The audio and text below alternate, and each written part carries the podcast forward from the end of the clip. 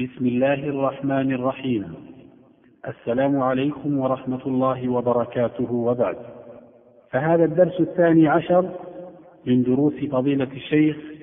سليمان بن ناصر العلوان حفظه الله تعالى المتضمنة شرح صحيح البخاري وموضوع هذا الدرس كتاب الإيمان باب حب الرسول صلى الله عليه وسلم من الإيمان حديث أبي هريرة وحديث أنس وكان إلقاء هذا الدرس في اليوم الخامس والعشرين من شهر ربيع الأول من عام 1422 رب العالمين صلى الله وسلم على عبده ورسوله نبينا محمد وعلى آله وصحبه أجمعين قال الإمام الحافظ أبو عبد الله محمد بن إسماعيل البخاري رحمه الله تعالى في صحيحه باب حب الرسول صلى الله عليه وسلم من الإيمان انا أبو اليمان قال أخبرنا شعيب قال انا أبو الزناد عن الأعرج عن أبي هريرة رضي الله عنه أن رسول الله صلى الله عليه وسلم قال فوالذي نفسي بيدي لا يؤمن أحدكم حتى أكون أحب إليه من والده وولده حدانا يعقوب بن إبراهيم قال حدانا بن علية عن عبد العزيز بن صهيب عن أنس عن النبي صلى الله عليه وسلم حاء وحدانا آدم قال حدانا شعبة عن قتادة عن أنس قال قال النبي صلى الله عليه وسلم لا يؤمن أحدكم حتى أكون أحب إليه من والده وولده والناس أجمعين بسم الله الرحمن الرحيم قال الإمام البخاري رحمه الله تعالى باب حب الرسول صلى الله عليه وسلم من الايمان باب بالتنوين وقد تقدم اعراب نظائره ويجوز اضافته الى ما بعده وقد عقد الامام البخاري رحمه الله تعالى هذه الترجمه ليبين شعبه من شعب الايمان وواجبا من واجباته والمقصود بمحبه الرسول صلى الله عليه وسلم هي الاشتياق اليه وتقديمه على الاهل والمال والولد وليس المقصود تعظيمه فان تعظيم الرسول صلى الله عليه وسلم شرط للايمان وليس واجبا من واجباته والمقصود بالمحبة هنا هي محبة الاختيار لا محبة الطبع وسيأتي إن شاء الله بيان ذلك بعد قليل فيكون تقدير الترجمة باب حب الرسول صلى الله عليه وسلم من واجبات الإيمان قال الإمام البخاري رحمه الله تعالى حدثنا أبو اليمان تقدم الحديث عن أبي اليمان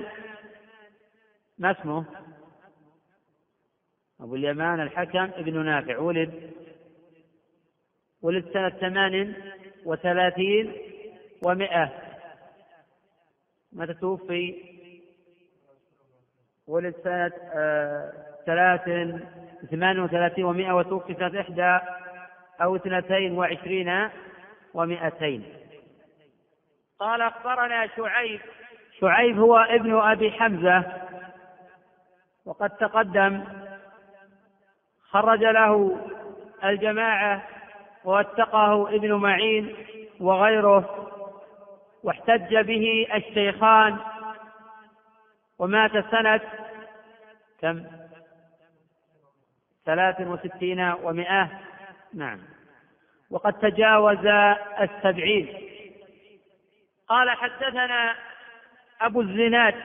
أبو الزناد عبد الله بن ذكوان القرشي مولى رملة بنت شيبة ابن ربيعة يكنى بأبي عبد الرحمن وكان يغضب من أبي الزناد ولكنه اشتهر بذلك بين المحدثين فلا يعرف إلا بأبي الزناد ولو قيل عن أبي عبد الرحمن عن الأعرج لالتبس ذلك على كثير من أهل العلم ولذلك لا مانع من تسميته بذلك على وجه التعريف وقد قيل والقدح ليس بغيبة في ستة متظلم ومعرف ومحذر ولمظهر فسقا ومستفس ومن طلب الإعانة في إزالة منكر وقد حكى الحاكم وغيره إجماع أهل العلم على جواز التعريف بمظاهره العين كالأعرج والأعمش فإسماعيل بن عليا ينسب لأمه وكان يغضب من ذلك كأبي الزناد ونحو ذلك وقد كان سفيان رحمه الله تعالى يسمي أبا الزناد أمير المؤمنين في الحديث وقال الإمام أحمد ثقة وقد ذكر خليفة بن خياط والعجلي أن أبا الزناد تابعي وليس هو بتابع تابعي بل هو تابعي لأنه قد لقي عددا من الصحابة قال الإمام أبو عبد الله البخاري رحمه الله تعالى أصح أسانيد أبي هريرة أبو الزناد عن الأعرج عن أبي هريرة كما يقال أصح أسانيد ابن عمر مالك عن نافع عن ابن عمر وقد مات أبو الزناد سنة ثلاثين ومائة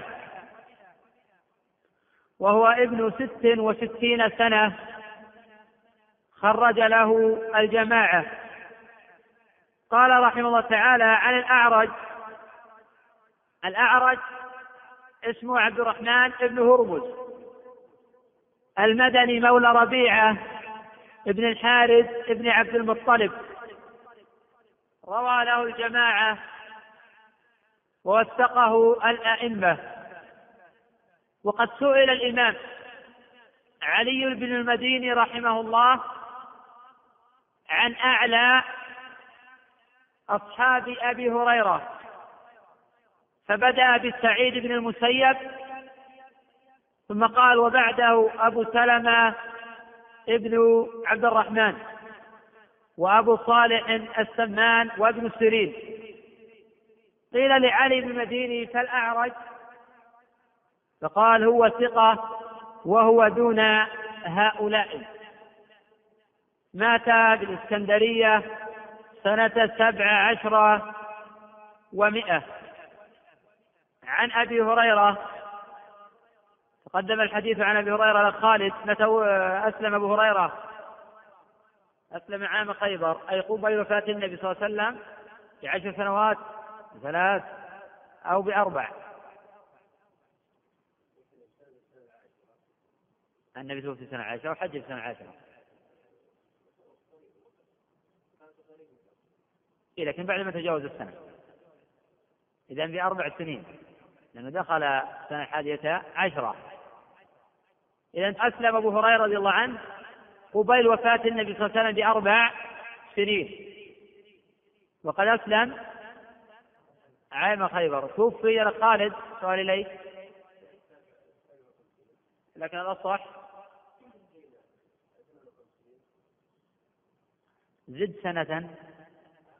زد سنة لا أقول انقص أقول زد توفي سنة 59 على الصحيح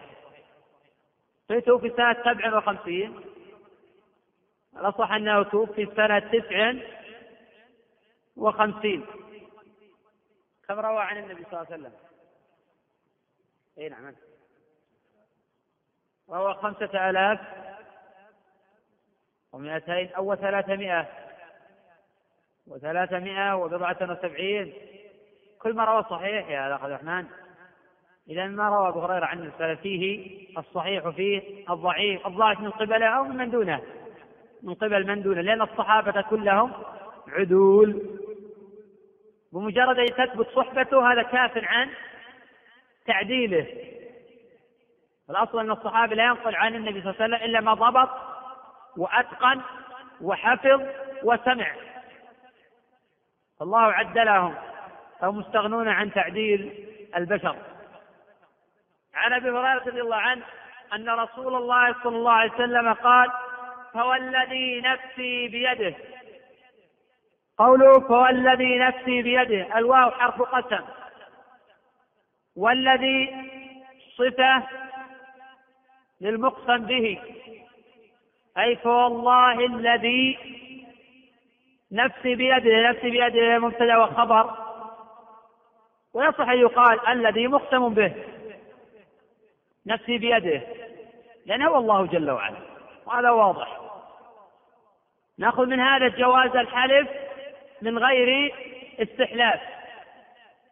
وقد حفظ عن النبي صلى الله عليه وسلم أنه حلف من غير استحلاف في أكثر من ثمانين موضعه أشار إلى هذه القضية ابن القيم وغيره ويؤخذ من هذا جواز الحلف على الأمور المهمة جواز الحلف على الأمور المهمة وقوله في يده في إثبات صفة اليد في إثبات صفة اليد لله جل وعلا وقد جاء في صحيح الإمام مسلم من حديث عبد الله بن عمرو بن العاص أن النبي صلى الله عليه وسلم قال وكلتا يدي ربي يمين وقد ذهب الأشاعرة إلى أن المقصود باليد القدرة وقال جماعة منهم المقصود باليد النعمة وهذا باطل من وجوه كثيرة الوجه الأول أن هذا خلاف اللفظ ولا يجوز العدول عن اللفظ إلا بدليل الوجه الثاني أن هذا خلاف المتبادر إلى الذهن والأصل في الألفاظ أن تحمل على حقائقها فلا يجوز العدول عن الحقيقة إلا بدليل ولو صار الناس يتخاطبون بالألغاز والأحاجي وبما لا يفهمون ولا يعون وهذا باطل شرعا وعقلا الوجه الثالث أنه لا يصح أن يقال وكلتا يدي ربي يمين أي قدرة وكلتا يدي قدرة ربي يمين لأن القدرة لا يمين لها ولا يصح أن يقال وكلت نعمتي ربي يمين لأن النعمة لا يمين لها والقدرة واحدة فلا يصح أن يقال وكلتا يدي ربي يمين فيرد ذات القدرة أو النعمة أن القوة لله جميعا الوجه الرابع أن الله جل وعلا قال بل يداه مبسوطتان إذا فسرت اليد بالنعمة حصرنا نعم الله بنعمتين وهذا باطل شرعا وعقلا وإن تعدوا نعمة الله لا تحصوها الوجه الخامس أن الله جل وعلا قال قال يا إبليس ما منعك أن تسجد لما خلقت بيدي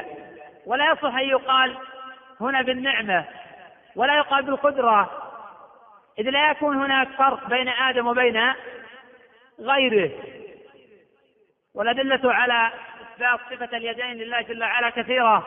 وأهل السنة والجماعة يثبتون صفة اليدين لله جل وعلا إثباتا بلا تمثيل وتنزيها بلا تعطيل لأن الله جل وعلا ليس كمثله شيء لا في ذاته ولا في صفاته ولا في أفعاله وهو السميع البصير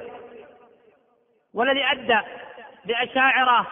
والجهمية لنفي الصفة عن الله أنهم يعتقدون أنهم إذا أثبتوا اليدين لله فقد شبهوا الخالق بالمخلوق وهذا التصور الخاطئ إنما أتى إليه بسبب عدم معرفة عظمة الله وبسبب عدم معرفة المخلوق على حقيقته وبسبب التشبيه الذي وقع في عقائدهم وأذهانهم فهم شبهوا أولا إذ اعتقدوا أن صفات الخالق تشبه صفات المخلوق ثم عطلوا ثانية ثم شبهوا ثالثة نظم الإمام ابن القيم رحمه الله تعالى عقيدة أهل السنة والجماعة في ذلك فقال لسنا نشبه وصفه بصفاتنا إن المشبه عابد الأوثان كلا ولا نخليه من أوصافه إن المعطل عابد البهتان من شبه الرحمن العظيم بخلقه فهو الشبيه بمشرك النصراني أو عطل الرحمن عن أوصافه فهو الكفور وليس ذا الإيمان قوله لا يؤمن أحدكم فهو الذي نفسي بيده لا يؤمن أحدكم تقدم أن الأصل في النفي أن يكون لنفي أصل الإيمان حتى يثبت دليل يخالف هذا حيث يدل على أن المنفي كمال الإيمان الواجب ولا يجوز العدول عن الأصل إلا بدليل فإن هذه الصيغة وضعت لنفي أصل الشيء لا لنفي كماله سواء ورد دليل أو سياق أو إجماع يفسر هذا ننتقل من ظاهر الحديث إلى القرينة وقد قال القاضي عياض لا يؤمن أحدكم هذا نفي لأصل الإيمان لأن القاضي عياض فسر المحبة بالعظمة وهذا فيه نظر فيكون المعنى على كلامه لا يؤمن أحدكم حتى يكون أعظم إليه أو أعظم في نفسه فالحديث فيه في مساق تعظيم النبي صلى الله عليه وسلم وهذا ضعيف ولهذا ذهب أكثر أهل العلم بأن المنفي هنا هو كمال الإيمان الواجب وهذا اختيار أكابر المحققين من أهل السنة والجماعة وفي هذا رد على المرجئة حيث يقولون بأن الناس في الإيمان شيء واحد لا يتفاضلون فعلى هذا الزعم الباطل لا يفترق بين من قدم محبة النبي صلى الله عليه وسلم على نفسه وماله وأهله وولده وبين من لم يصنع من ذلك شيئا وكفى في هذا بطلانا وقبحا قوله حتى أكون أحب أحب خبر كان في النص والمقصود بالمحبة هنا محبة الاختيار لا محبة الطبع حيث إذا ذكر النبي صلى الله عليه وسلم اشتاق إلى رؤيته وتمنى لقيا وتقديمه على الوالد والولد والناس اجمعين وكلما عظمت محبة النبي صلى الله عليه وسلم في قلب العبد كلما ازداد في العمل بسنته ونصر شريعته وبذل نفسه واستفرغ جهده في حماية السنة من تحريف الغالين وانتحال المبطلين وتأويل الجاهلين وانتدب للذب عن سنة ونصرها بقدر الإمكان وكل من آمن بالنبي صلى الله عليه وسلم وأقر له بالرسالة فلا يمكن أن يخلو من وجدان شيء من محبة الرسول صلى الله عليه وسلم غير أن الناس يتفاوتون في هذا تفاوتا شديدا أشد من تفاوتهم في خلقهم وطبائعهم أما محبة التعظيم حتى أن الإنسان يعظم النبي صلى الله عليه وسلم فهذا شرط في الإيمان وأما محبة الاختيار بحيث يقدم محبة النبي على نفسه وأهله وماله وبحيث يحب النبي صلى الله عليه وسلم أحب من نفسه فهذا من واجبات الإيمان والدليل على هذا ما جاء في صحيح البخاري حديث عبد الله بن هشام أن عمر رضي الله عنه قال للنبي صلى الله عليه وسلم لأنت أحب إلي من كل شيء إلا من نفسي قال لا يا عمر حتى أكون أحب إليك من نفسي فقال عمر رضي الله عنه الآن أنت أحب إلي من نفسي فقال الآن أي الآن تحقق لك حقيقة الإيمان وكماله الواجب وانتفى عنك التقصير في ذلك وهذا الحديث قوي الدلالة في كون تقديم محبة النبي صلى الله عليه وسلم على النفس من واجبات الإيمان والإخلال بهذا لا ينافي أصل الإيمان وضابط محبة النبي صلى الله عليه وسلم وتقديمه على الوالد والولد والأهل والناس أجمعين أنه إذا تعارض أمر يحبه الرسول صلى الله عليه وسلم أو أمر أمر به أي أو, أو إذا وجد نهي نهى عنه ثم امرك والدك بما يقتضي مخالفه امر الرسول صلى الله عليه وسلم او يقتضي فعل المنهي او الامر الذي نهى عنه الرسول صلى الله عليه وسلم فاذا قدمت طاعه الرسول فهذا دليل على محبه الرسول صلى الله عليه وسلم واذا قدمت محبه او طاعه الوالد فهذا دليل على قله محبه الرسول صلى الله عليه وسلم في قلبه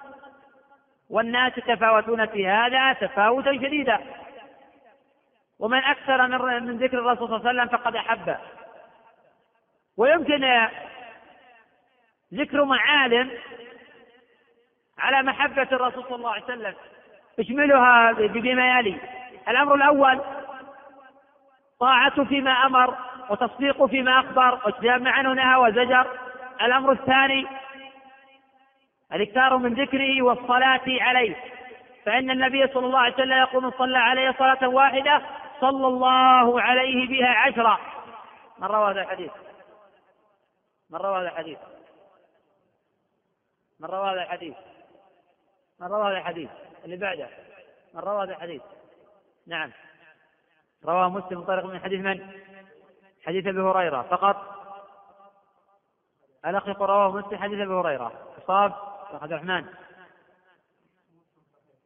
يعني توافق على انه في مسلم لكن هل هو من حديث ابي هريره الاخ نعم يا ابا اسماعيل نعم الحديث رواه مسلم من حديث العلاء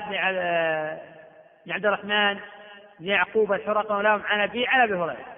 ورواه مسلم ايضا من حديث عبد الله بن عامر بن العاص ولم يروه البخاري الأمر الثالث الاشتياق عند سماع قوله والتلذذ بذلك هذا دليل على محبة الرسول صلى الله عليه وسلم فإن من أحب أحدا تلذذ بسماع ذكره كما يتلذذ المعشوق بعاشقه بل أعظم لأن النبي صلى الله عليه وسلم هو الذي دلك على الخير والذي أرشدك إليه فمن الضروري أن تحبه فقد جبلت القلوب على حب من أحسن إليها والرسول صلى الله عليه وسلم أحسن إلينا إحسانا كبيرا وفوق كل إحسان فصلوات الله وسلامه عليه الأمر الرابع الرابع الأمر الرابع الاشتياق إلى رؤيته عند ذكره اشتاق إلى رؤية النبي صلى الله عليه وسلم وازداد الأعمال الصالحة ليراه في الجنة أو يراه في المنام فإن في رؤية النبي صلى الله عليه وسلم في المنام خيرا كثيرا الأمر الخامس تقديم أوامره على الناس أجمعين الأمر السادس الذب عن سنته من تحريف الغالين وانتحال المبطلين وتأويل الجاهلين الأمر السابع قشعريرة القلب عند من يتنقصه أو يقلل من قدره أو من دعوته أو من جهده ونحو ذلك الأمر الثامن ابتداءه بالنفس والأهل والمال والولد بحيث يقدم طاعته على كل شيء ولو أدى هذا إلى حفه الأمر التاسع والثامن نشر سنته بين الأنام فليس قد يحبه ولكن لا ينشر سنته من الضروري أن تنشر سنته وأن تعلمها إلى من لا يعلمها قوله حتى أكون أحب إليه من والده قدم الوالد على الولد لأنه ليس لكل أحد ولد ولكن لا يوجد المرء إلا من أب فيحب الرسول صلى الله عليه وسلم أحب إليه من والده ومن كان له ولد وولده وفي بعض الروايات قدم الولد على الوالد وهذا قيل لمن كان له ولد وقيل أن النفوس تتعلق به أكثر من تعلقها بالوالد وقيل غير ذلك ولا يهم المهم أن تحب الرسول صلى الله عليه وسلم أحب من كل ما ذكر قال البخاري رحمه الله تعالى حدثنا يعقوب ابن ابراهيم هذا هو القيسي مولى عبد القيس الدورقي ثقة إمام ولد سنة ست وستين ومائة ومات سنة اثنتين وخمسين ومائتين قال حدثنا ابن علية هذا هو إسماعيل بن إبراهيم الأسدي مولاهم وعليا أمه وكان يغضب من ذلك ولكن اشتهر بهذا فلا مانع من تسميته بهذا الأمر لا لأجل تنقصه ولا من أجل عيبه ولكن من أجل التعريف به إسماعيل بن عليا إمام ثقة قال غير واحد إليها المنتهى في التثبت بالبصرة وقد خرج له الجماعة واتفقوا على جلالته وتوفيقه وقد ولي صدقات البصرة والمظالم في خلافة هارون الرشيد فأنكر عليه ذلك عبد الله عبد الله بن المبارك وكتب له يا جاعل العلم له بازيا في رواية جاعل الدين له بازيا يصطاد به أموال المساكين استلسل للدنيا ولذاتها بحيلة تذهب بالدين فصرت مجنونا بها بعدما كنت دواء للمجانين أين رواياتك في سردها عن ابن عون وابن سيرين أين رواياتك في سردها بترك أبواب السلاطين إن قلت أكرت فذا باطل زل حمار العلم في الطين وحين بلغه ذلك ترك ولاية المظالم لهارون آه، وهارون وأقبل على أمره فبالتالي يقبلون الحق ولا يكابرون في ذلك وقد مات إسماعيل سنة أربع وتسعين ومائة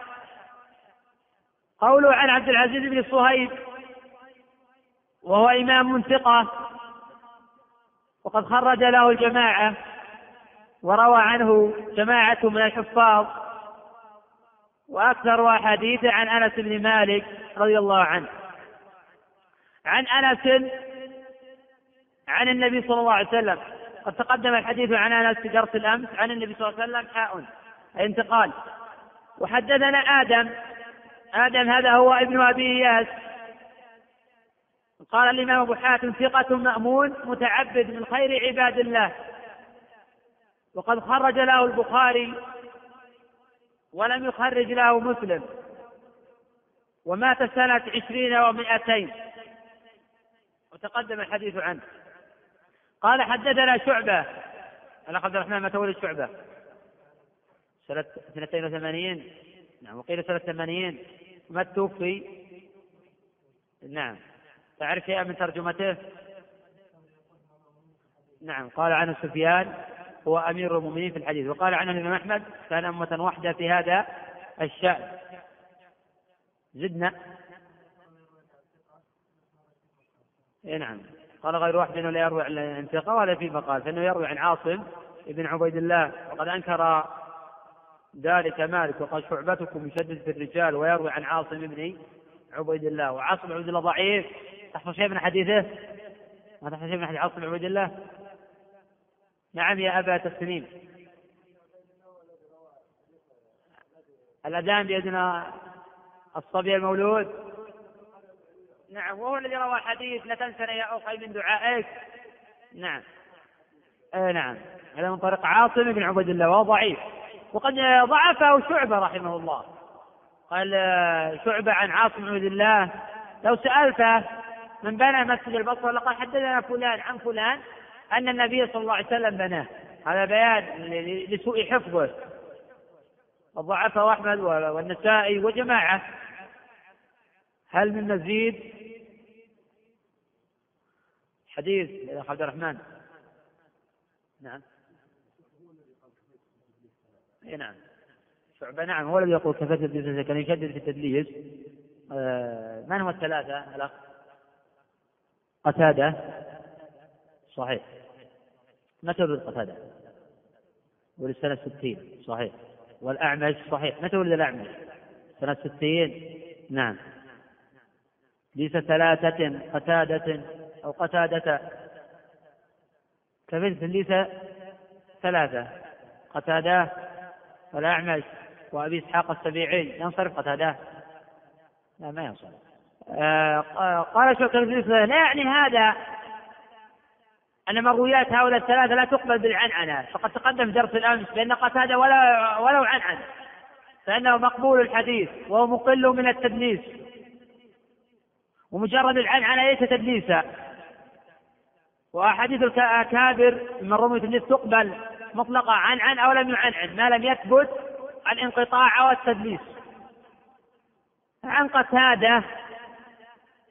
الأخ يقول ولد قتادة سنة 60 فمتى توفي؟ متى توفي؟ نعم نعم في ثمانين يعني عاش نعم ما ولد قتادة سنة 80 ولد قتادة سنة 60 متى توفي؟ تأتي بقلم إن شاء الله من الغد طيب إذا سألك مرة أخرى تجيب متى توفي؟ متى توفي؟ متى توفي؟ نعم نعم سنة سبع عشر ومئة صحيح الأخ فهد الأخ توفي سنة سبع عشر ومئة نعم يقول ثمانية عشر ومئة صحيح نعم هذا هو الصحيح هذا هو الصحيح عن أنس متى توفي أنس؟ اختار سنة ثلاث وسبعين أو سنة ثلاث وتسعين أو سنة ثلاث ومئة سنة ثلاث وتسعين أكيد عن عن ثلاث ومئة صدق نعم قال قال النبي صلى الله عليه وسلم لا يؤمن أحدكم حتى أكون أحب إليه من والده وولده والناس أجمعين تقدم أن النفي هنا لنفي الكمال لكن لو أريد بذلك العظمة كان لنفي أصل الإيمان ولنا لو كان المقصود العظمة لما قال عمر لن تحب إلي من كل شيء إلا من نفسي قال لا يا عمر قال الآن يعني لا يزال عمر ما كان يعظمه وفي هذه اللحظة عظمه هذا غير مراد وهذا باطل المحبة تقدم أنها ميل الطبع المحبة ليست هي ميل الطبع وش المحبة حتى تكون أحبة تقدم قبل قليل فمحبة هنا محبة اختيارية وليست هي ميل الطابع نعم ما معنى الاختيارية لقد الرحمن اي نعم بحيث اني احبه لما يتصف به من صفات العظمه وصفات الكمال ومن الدعوه وتبليغ الدين وامتثال امر الرب ونحو ذلك فإن الإنسان قد يبحث على حب من أحسن إليه فليس يحب صديقه لما يسمي له قد من النصيحة والفضل ونحو ذلك أعظم من كل شيء تحب الرسول صلى الله عليه وسلم وقد جبلت النفوس على حب من أحسن إليها أما كون الإنسان يدعي محبة الرسول صلى الله عليه وسلم ويقدم أوامر غيره على أوامره ويرتكب ويدع ويرتكب نواه منهى عنه النبي صلى الله عليه وسلم فهذه المحبة ضعيفة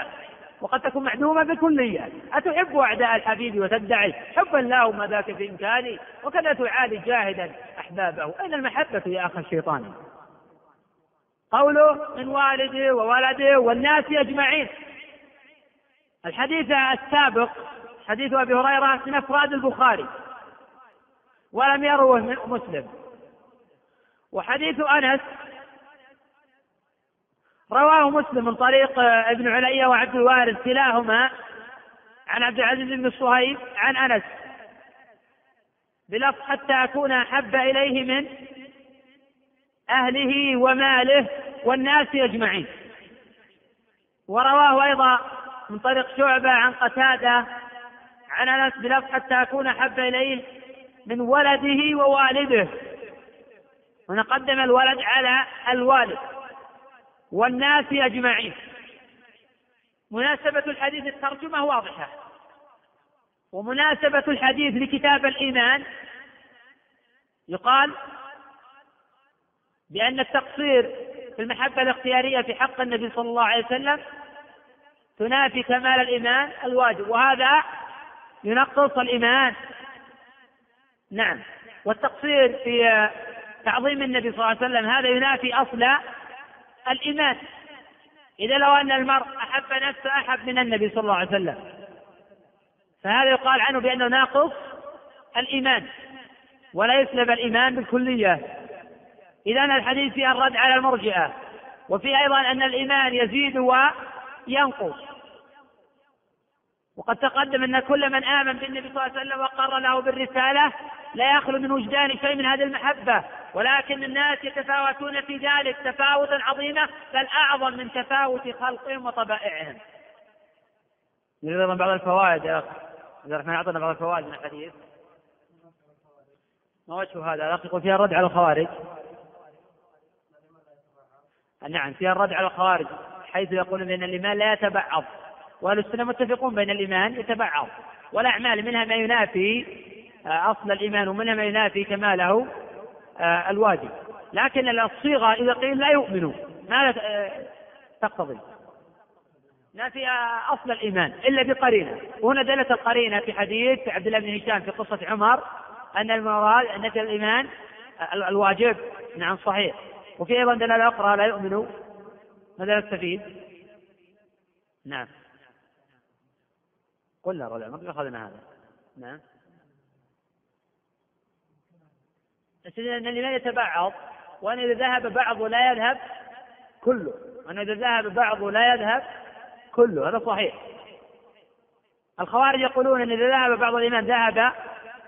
كله واستدل أيضا بهذه الصيغة لا يؤمنون يقولون الأصل نحن نوافقهم على الأصل لكن هذا الأصل خرج من دليل ونأخذ من هذا قاعدة أن الأحاديث حين نريد استنباط الأحكام منها وفهمها لابد أن نضم بعضها إلى بعض حتى نستخرج نستخرج قاعدة من هذا في فوائد من فوائد الحديث نعم الأخ يقول في أن محبة الوالد من الإيمان ما وجه هذا؟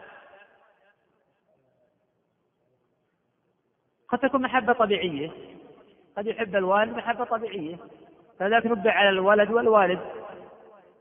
فلا يكون في دلالة قد الإنسان يحب هذا محبة طبيعية لأن قد يكون آه، والده تاجرا ولكن يحب محبة آه، طبيعية ومحبة آه، طبع لا اختيار ويكره معصيته ونحو ذلك نعم هذا واضح لكن لا يبقى, يبقى أنه ما في دلالة واضحة استنباط من الحديث نعم ما وجه هذا أي حتى تكون ما قال حتى تكون يكون الرسل أين تصل الوالد والولد باعتبار أن هذا أصله وهذا فرع له لكن نأخذ من هذا أيضا في حب من أحسن إليك وفيها الرد على القدرية والجبرية إذا قرن قرنت الجبرية مع القدرية فتحت الباء وإذا أفردت أسكنت قال الجبرية ما وجه الرد على القدرية والجبرية؟ لأن العبد يخلق فعل نفسه أي نعم لو كان يخلق فعل نفسه نحتاج إلى ذلك نعم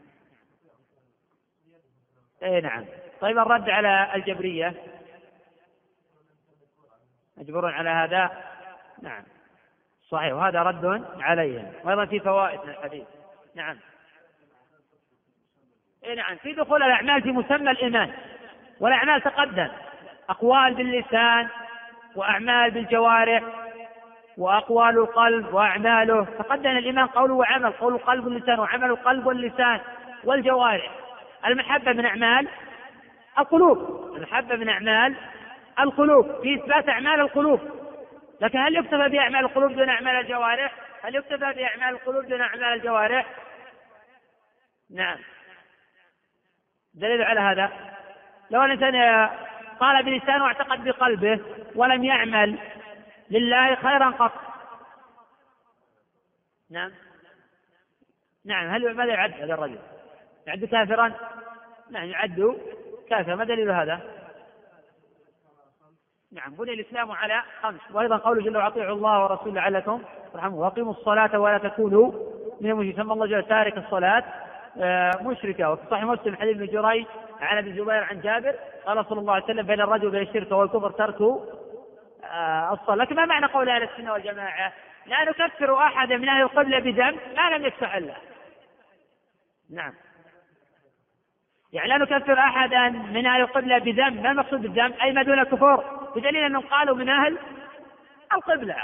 الصيغه واضح، اذا اهل الارجاء يحتجون بهذه العباره على انه لا يكفر احد بعمل مهما كان عمل حتى يستحله ولو كان أيضا المقصود بذلك حتى الأمور الكفرية كسجود الأصنام وسب الله وسب الرسول صلى الله عليه وسلم والحكم بغير ما أنزل الله ونحو ذلك لم يحتاج إلى قول ما لم يستحله لأنه استحله ولم يستحله وإذا اذا لا فرق بين نواقض الإيمان وبين الكبائر فاذا ذلك لو استحل الكبيرة لكفر وهذا استحل ولم يستحل فإنه كاف إذا المقصود بهذه العبارة هو الرد على الخوارج الذين يكفرون بكبائر الذنوب بمطلق الذنوب والله أعلم نقف على هذا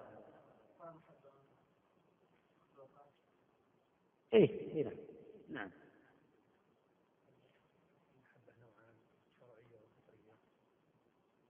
محبة نعم. طبيعية واضح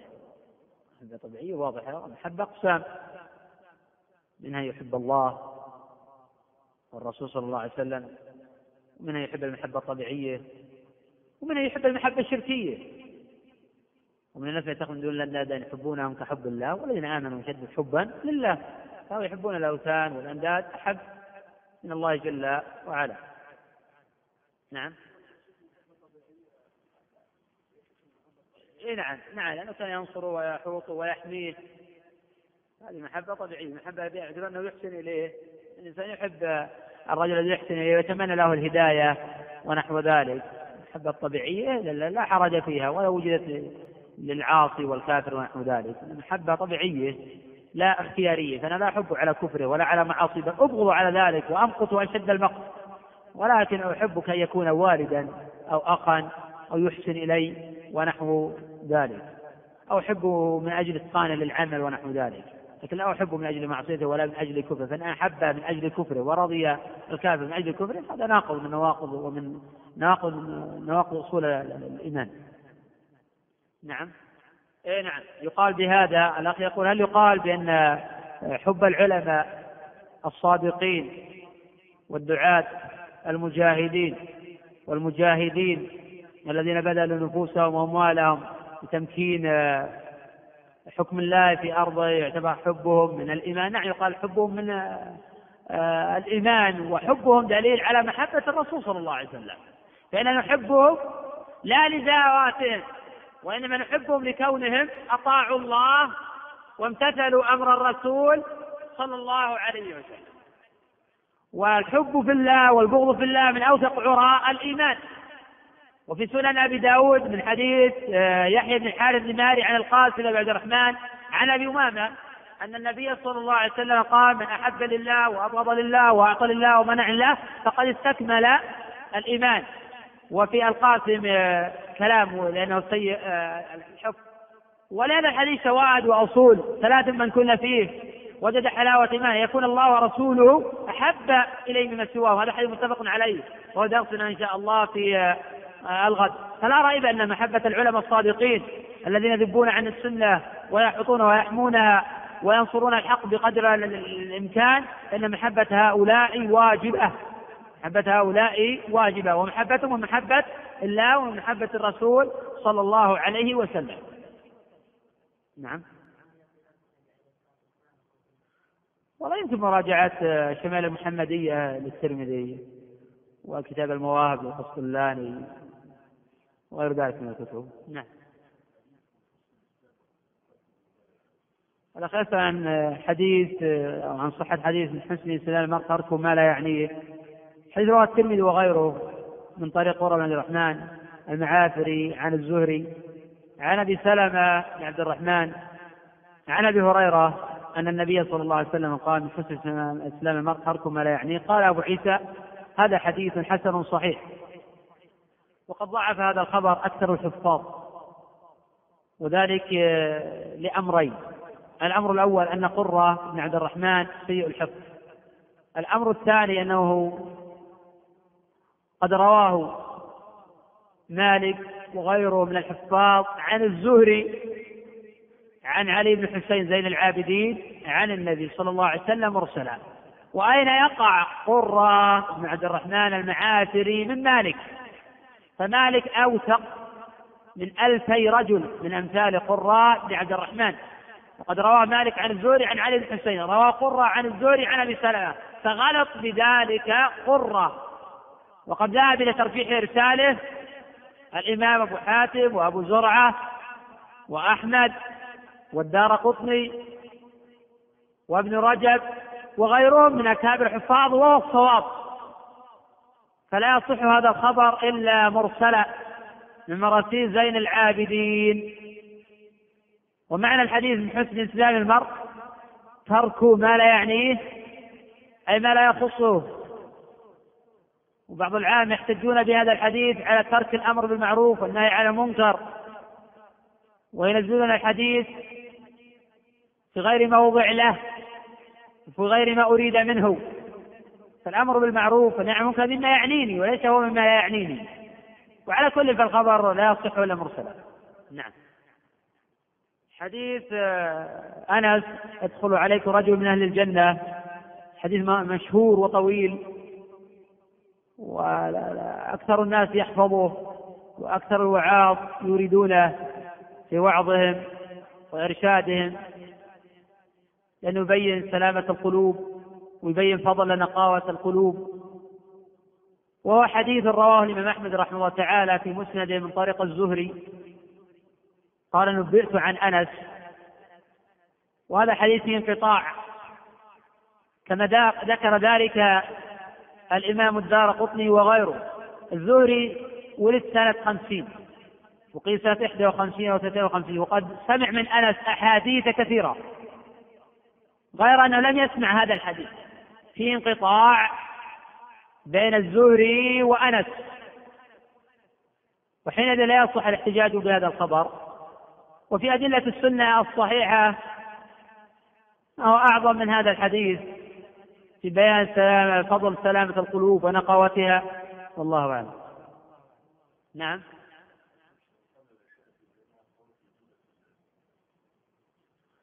حسن الحديث أو صحيح رواه الإمام أحمد وغيره رواه الإمام أحمد وغيره يكفي هذا استغفر الله استغفر الله استغفر الله بسم الله الرحمن الرحيم السلام عليكم ورحمة الله وبركاته وبعد فهذا الدرس الثالث عشر من دروس فضيلة الشيخ سليمان بن ناصر العلوان حفظه الله تعالى المتضمنة شرح صحيح البخاري وموضوع هذا الدرس كتاب الإيمان باب حلاوة الإيمان حديث أنس وكان إلقاء هذا الدرس في اليوم السادس والعشرين من شهر ربيع الأول من عام 1422 بسم الله الرحمن الرحيم الحمد لله رب العالمين والصلاة والسلام على نبينا محمد وعلى آله وأصحابه أجمعين قال الإمام البخاري رحمه الله تعالى باب حلاوة الإيمان حدثنا محمد بن المثنى قال حدثنا عبد الوهاب الثقفي قال حدثنا أيوب عن أبي قلابة عن أنس عن النبي صلى الله عليه وسلم قال ثلاث من كن فيه وجد حلاوة الإيمان أن يكون الله ورسوله أحب إليه مما سواهما وأن يحب المرء لا يحبه إلا لله وأن يكره أن يعود في الكفر كما يكره أن يقذف في النار بسم الله الرحمن الرحيم قال الإمام البخاري رحمه الله تعالى باب حلاوة الإيمان أي هذا باب حلاوة الإيمان وفي إعراب باب ثلاثة أوجه تقدم إعراب نظائرها ممكن تذكرها يا أخ الرحمن نعم باب مبتدأ باب مضاف يعني اشتغل في النكرة لأجل الإضافة باب حلاوة الإيمان والخبر لا باب حلاوة الإيمان هذا مكانه فيكون هذا مكان مبتدا وخبر والمبتدا والخبر خبر عن المبتدا الاول هذا الاعراب الاول الاعراب الثاني هذا باب يعني خبر المبتدا المحذوف هذا هو المشكور الاعراب الثالث النص بفعل محذوف تقديره اقرا باب حلاوه الايمان فالايمان له حلاوه وطعم تتذوقه القلوب المؤمنه والقلوب المخلصه التي اسلمت لله ولا يجد احد حلاوه الايمان وطعمه الا من جمع هذه الخصال المذكوره في الحديث ان يكون الله ورسوله احب اليه مما سواهما وان يحب المرء لا يحبه الا لله وان يكره ان يعود في الكفر كما يكره ان يقذف في النار فالايمان هو غذاء القلوب كما ان الطعام والشراب غذاء الابدان ولا يجد الجسد لذه الطعام ولذه الشراب عند سقم وكذلك لا يجد القلب حلاوه الايمان ولا يتذوق طعم العباده مع الذنوب والناس يتفاوتون في هذا تفاوتا كبيرا ومن جميل كلام شيخ الاسلام ومن جميل كلام شيخ الاسلام ابن تيميه رحمه الله تعالى انه قال ان في الدنيا جنه من لم يدخلها لا يدخل جنة الآخرة وقال بعض السلف مساكين أهل الدنيا خرجوا منها وما ذاقوا أطيب ما فيها قيل له وما أطيب ما فيها قال محبة الله ومعرفته وذكره وقال بعض السلف أيضا انه لتمر بالقلب اوقات اقول ان كان اهل الجنه في مثل هذا النعيم انهم لفي عيش طيب وحينئذ تظهر مناسبه الترجمه لكتاب الايمان وانه يزيد وينقص وان الاعمال القلبيه من مسمى الايمان وهذا محل اجماع من اهل السنه والجماعه قال الامام البخاري رحمه الله تعالى حدثنا محمد بن المثنى اي ابن عبيد العنزي البصري الثقه قال عنه ابن معين رحمه الله ثقه وقال الخطيب كان ثقه ثبت احتج به السائر أو احتج سائر الأئمة بحديثه وقد ولد سنة سبع وستين ومائة ومات سنة اثنتين وخمسين ومائتين وقد خرج له الجماعة قال حدثنا عبد الوهاب الثقفي عبد الوهاب هو ابن عبد المجيد بن الصلت الثقفي ولد سنة ثمان ومائة قال ابن معين ثقة وقد اختلط بآخرة وكان اختلاطه قبل موته بثلاث سنين قال الإمام أبو داود رحمه الله تعالى جرير بن حازم وعبد الوهاب الثقفي تغيرا فحجب الناس عنهما وقد روى لعبد الوهاب الجماعة ومات سنة أربع وتسعين ومائة قال حدثنا أيوب أيوب بن كيسان السختياني البصري مولى عنزة ولد سنة ست وستين وقيل سنة ثمان وستين قال شعبة رحمه الله ما رأيت مثل أيوب ويونس بن عبيد وابن عون وقال أبو حاتم رحمه الله ثقة ولا يسأل عن مثله وقد خرج له الجماعة ومات سنة إحدى وثلاثين ومائة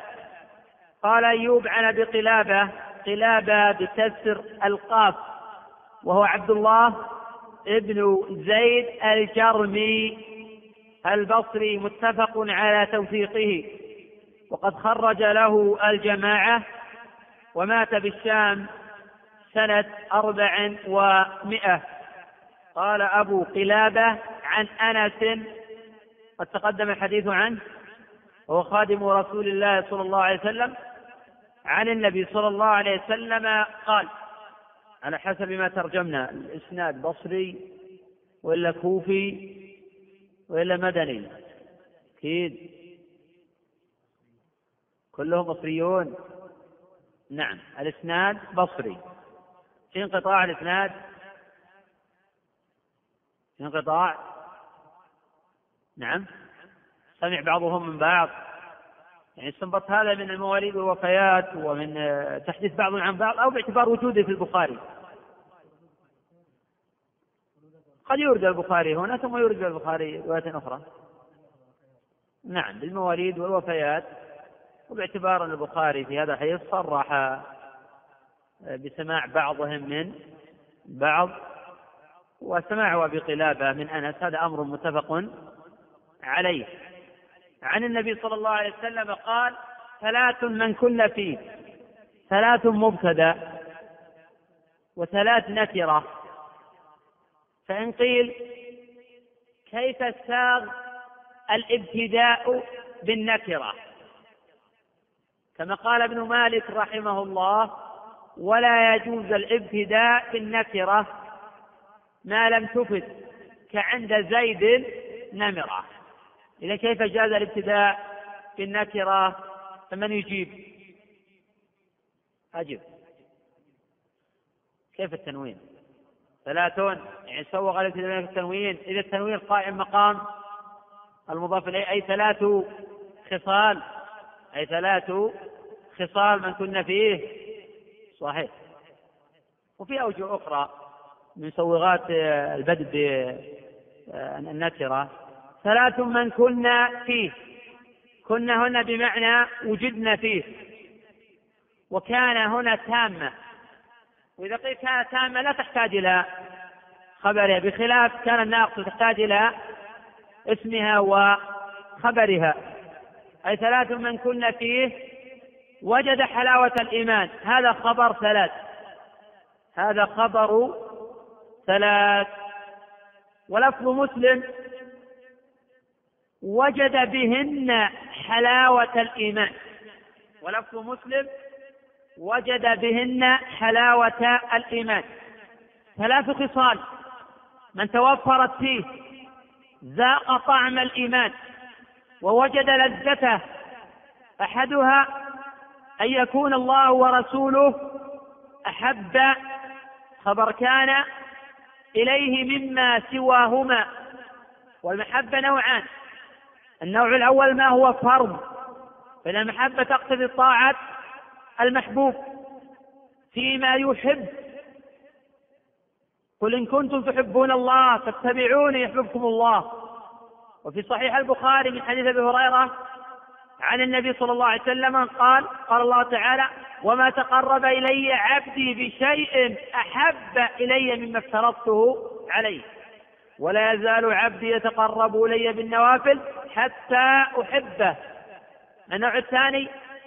مستحب التقرب الى الله بالمستحبات التقرب الى الله بالمستحبات والطاعات العامه التي لم يفرضها ربنا جل وعلا هذا امر يحبه الله وهذا امر مستحب والاكياس يبحثون عن تحصيل هاتين المحبتين وقد قال بعض السلف ليس الشأن أن تحب إنما الشأن أن تحب والله جل وعلا يحب عبده الذي يبادر إلى امتثال أوامره واجتناب نواهيه بحيث لا يفقده في مكان أمر الله جل وعلا به ولا يجده في مكان نهى الله جل وعلا عنه وحقيقة محبة الله ومحبة رسوله صلى الله عليه وسلم طاعتهما فيما أمر به واجتناب ما عنه نهيا وزجرا المحبة ليست كلمة تقال باللسان وكل يدعي محبة الله ومحبة رسول الله صلى الله عليه وسلم وكل يدعي محبة الله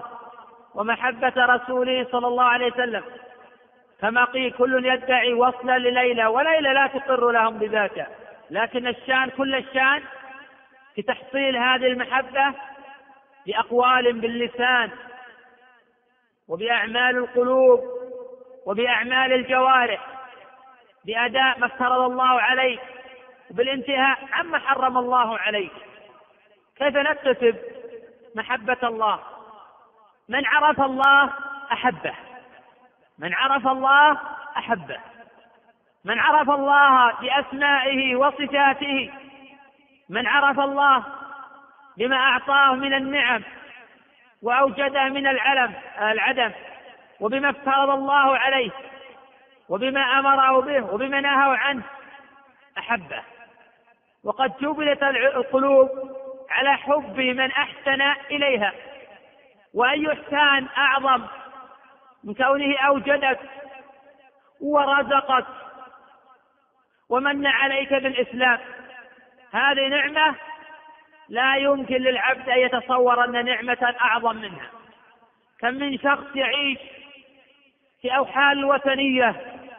وفي الشرك والبعد عن الله وقد أسبغ الله عليك نعمه الظاهرة والباطنة وأعظم نعمة نعمة أنعم الله عليك بها هي نعمة الإسلام وهذا يقتضي أن تحبه لأنك عرفت بما أنعم الله عليك وعرفت الله في أسمائه وصفاته وهذا يستوجب أن تحبه وإذا أحببته يستوجب أن تطيعه لأن حقيقة المحبة الطاعة ومحبة بدون طاعة ليست بشيء محبة بدون طاعة ليست بشيء قل إن كنتم تحبون الله فاتبعوني يحببكم الله إن الله يحب الذين يقاتلون في سبيله صفا كأنهم بنيان مرصوص وحقيقة المحبة لرسول الله صلى الله عليه وسلم أن تستشعر عظمته وعظمة ما جاء به وأن تطيعه فيما أمر وأن تصدق فيما أخبر وأن تجتنب ما عنه نهى وزجر وبدون ذلك لا تحصل المحبة ولا تجد طعم الإيمان ولا لذته وإنما يستشعر ويجد لذة الإيمان وطعمه من كان الله ورسوله أحب إليه مما سواهما وقد يجدها العبد تارة ويفقدها تارة أخرى على حسب ما يقوم بقلبه وهذا أمر يحس به أهل الإيمان وأهل التقوى وكما تقدم في قول بعض السلف إنه لا يمر بالقلب أوقات أقول إن كان أهل الجنة في مثل هذا أي هذا النعيم إنهم لفي عيش طيب قوله مما سواهما احتج بهذا بعض أهل العلم على جواز جمع الضميرين بلفظ واحد لما قال مما سوى الله ورسوله صلى الله عليه وسلم قال مما سواهما وهذه المسألة اختلف فيها الفقهاء واهل العلم رحمهم الله على اقوال القول الاول ان الجمع بينهما لا باس به في الطاعه وغيرها القول الثاني انه يكره الجمع بينهما ويمتنع لان النبي صلى الله عليه وسلم قال للخطيب الذي قال ومن يعصيهما فقد غوى قال بئس الخطيب انت وهذا خبر رواه مسلم في صحيحه من حديث عدي قالوا وهذا ناقل عن الأصل والناقل يقدم على المبقي على الأصل المبقي أنه يجوز وهذا ناقل والناقل يقدم على المبقي وهذه قاعدة أصولية ذهب إليها أكثر أهل العلم لأن الناقل يقدم على المبقي القول الثالث في المسألة أنه يجوز جمعهما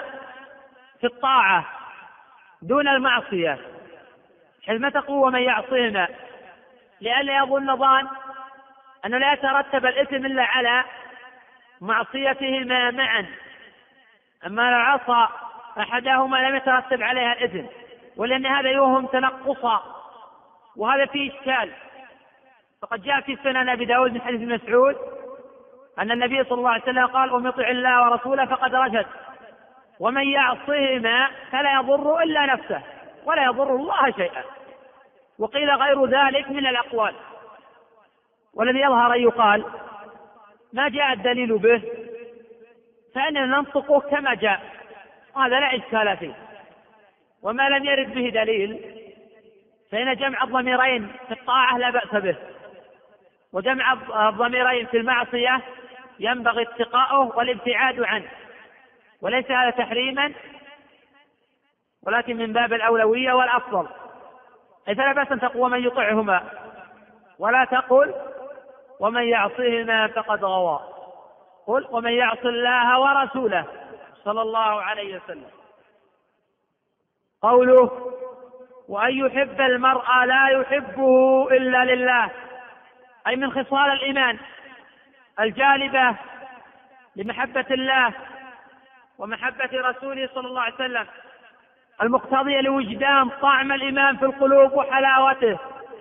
أن تحب المرأة المسلم لا تحب إلا لله لا تحبه لأطماع دنيوية ولا محبة طبيعية إنما تحبه لأنه مطيع لله وهذا يقتضي أن تحب أولياء الله فإن المحب لمن يحب مطيعه فمن أحب الله أحب أولياءه ومن أحب الله أبغض أعداءه وهذه حقيقة الإيمان وهذه حقيقة الولو والبراء أوثق عرى الإيمان أن تحب في الله وأن تبغض في الله ومن أحب الله أحب أولياءه وأحب أهل العلم وأحب أهل الدين وأحب أنصار الدين وحينئذ يبغض أيضا أعداء الله وأعداء رسوله صلى الله عليه وسلم فإذا فعل ذلك وجد طعم الإيمان ووجد لذته وحلاوته والمحبة في الله والبغض في الله من أوثق عرى ملة إبراهيم وقد جاء في صحيح مسلم حديث ابي الحباب سعيد بن يسار عن ابي هريره ان النبي صلى الله عليه وسلم قال قال الله تعالى اين المتحابون في جلالي اليوم اظلهم في ظلي يوم لا ظل الا ظلي من روى الحديث نعم سيقول في الصحيحين انا نعم. غافل ولا منتبه طيب اعطني ماذا قلت انا لا ما قلت في الصحيحين أنك يعني غافل من روى حديث في مسلم حديث ابن الحباب عن أبي هريرة عن أخذ الرحمن يقول الله جل وعلا اليوم ظلهم في ظلي هذا الظل صفة لله أو ماذا؟ ما أدري أعطنا الجواب وإذا أعطيتنا الجواب نصحح كلامك ماذا فهمت من قراءتك ومن مطالعتك ومن حضور حلقة الذكر والدروس سبق قررت هذا بتوسع ذكرت الأقوال في المسألة نعم يعني إذا هذا ظل العرض إذا هذا أحد الأقوال في المسألة الأخ يقول يوم ظلهم في ظلي أي هذا ظل العرض إذا هو ظل مخلوق القول الثاني والقول الثاني أن هذا ظل الله جل وعلا فيكون الظل صفة لله لأن الله أضافه إلى نفسه والأصل في الإضافة أن تكون إضافة صفة إلى موصوفها وقيل أن هذا الظل يخلقه الله جل وعلا يوم القيامة أكثر أهل العلم على أن هذا الظل ليس صفة لله لقوله صلى الله عليه وسلم حجابه النور الله نور كما قال صلى الله عليه وسلم نور أن أراه رواه مسلم وقال صلى الله عليه وسلم حجابه النور لو كشف لأحرقت سبحات وجهه ما انتهى إليه بصره من خلقه والحديث في مسلم أيضا وهذا الحديث جملة اعتراضية في الحديث على الحب في الله والبغض في الله وقد جاء في الصحيحين أيضا حديث أبي هريرة حديث أبي سعيد أن النبي صلى الله عليه وسلم قال في السبعة الذين ظلهم الله في ظله يوم لا ظل إلا ظله رجلان تحابا في الله اجتمعا على ذلك وتفرقا على ذلك وهذا يقتضي فضيلة الحب في الله وفضيلة البغض في الله وذلك من واجبات الإيمان فمن أحب من أجل الدنيا وأبغض من أجل الدنيا فهو ناقص الإيمان وبعض الناس يعادي أولياء الله ويتولى أعداء الله وهذا ناقص الإيمان وقد يسلب في الكلية ربنا يقول لا تجد قوما يؤمنون بالله واليوم الآخر يوادون من حاد الله ورسوله ولو كانوا آباءهم إلى آخر الآية وقال الله جل وعلا قل إن كان آباؤكم وأبناؤكم وإخوانكم وأزواجكم وعشيرتكم آخر الآية الله جل وعلا أمر بمحبة المؤمنين وفرض على العباد مجانبة المجرمين والفاسقين ومن يتولهم منكم فإنه منهم وأما المسلم العاصي فيحب على قدر ما معه من الإيمان ويبغض على عصيانه وفجوره المقصود من هذا الحديث أن العبد لا يجد لذة الإيمان ولا طعمه حتى يحب المرء لا يحبه إلا لله إلا لله إلا ذات حصر إلا ذات حصر خرج بذلك المحبة الطبيعية وإن كانت مباحة لكن لا تجد بها طعم الإيمان ومن باب أولى أن تخرج المحبة التي يقصد من ورائها الدنيا قوله وأن يكره أن يعود في الكفر كما يكره أن يقذف في النار أي وأن يكره أن يعود اختيارا إلى الكفر لا إكراها كما يكره أن يقذف في نار الدنيا وهذا دليل على قوة الإيمان ومثل هذا يجد لذة الإيمان وطعمه يجد يتذكر العودة إلى الكفر العودة إلى المعاصي العودة إلى الفجور العودة إلى فتن الشبهات والشهوات والتوغل فيهما كره ذلك ونفر قلبه عن ذلك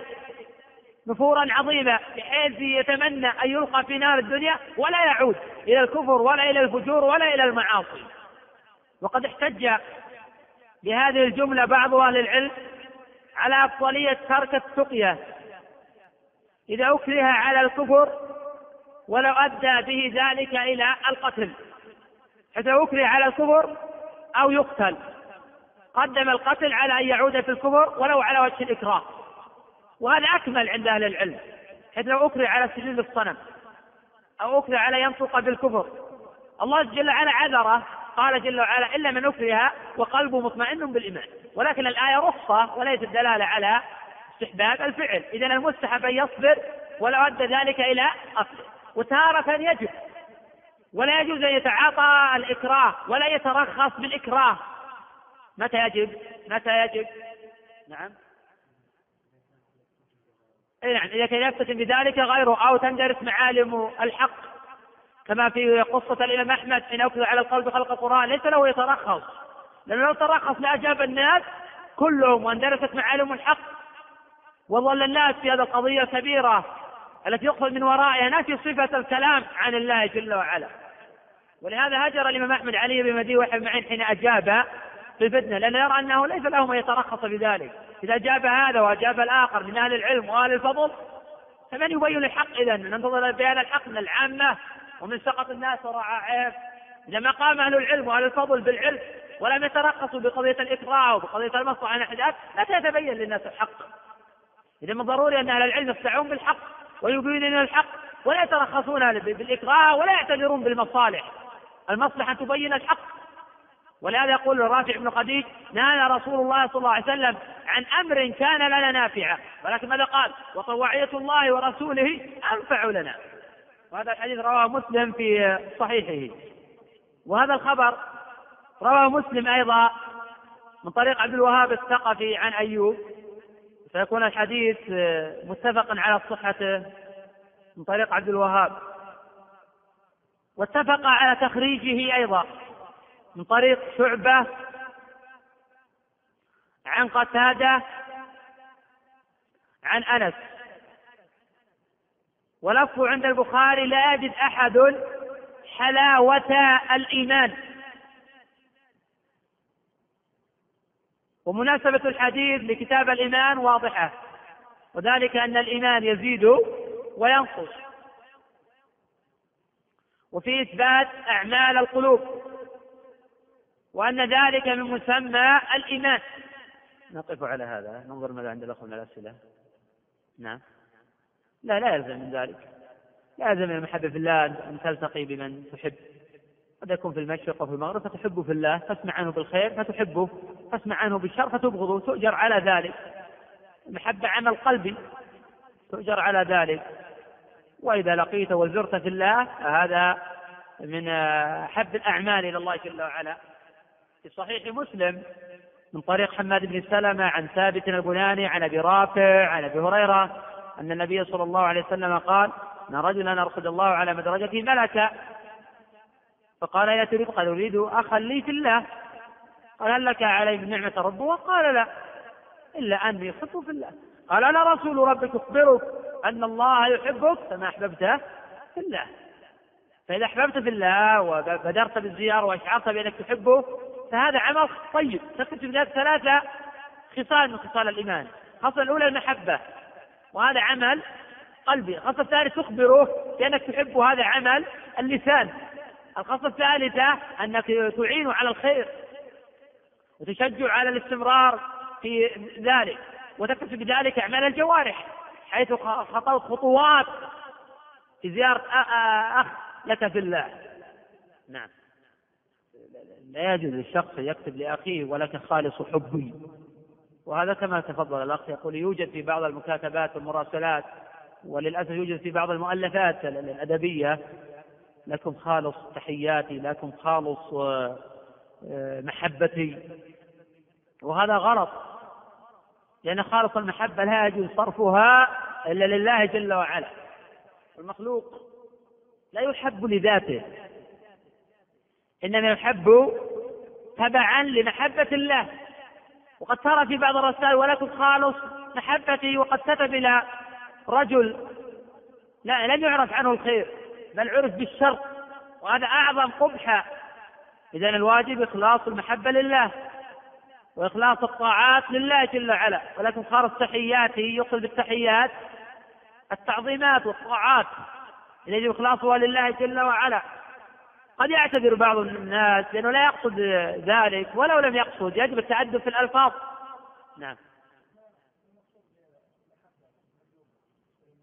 بحيث تتقرب إلى الله جل وعلا بما يحب من المستحبات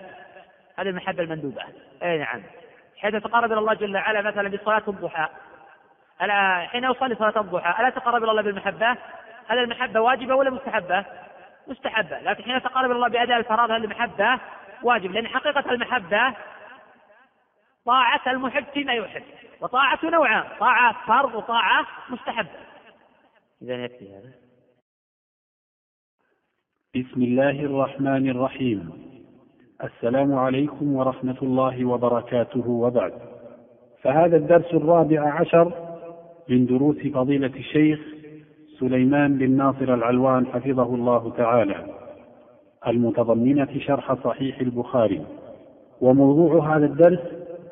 كتاب الإيمان باب علامة الإيمان حب الأنصار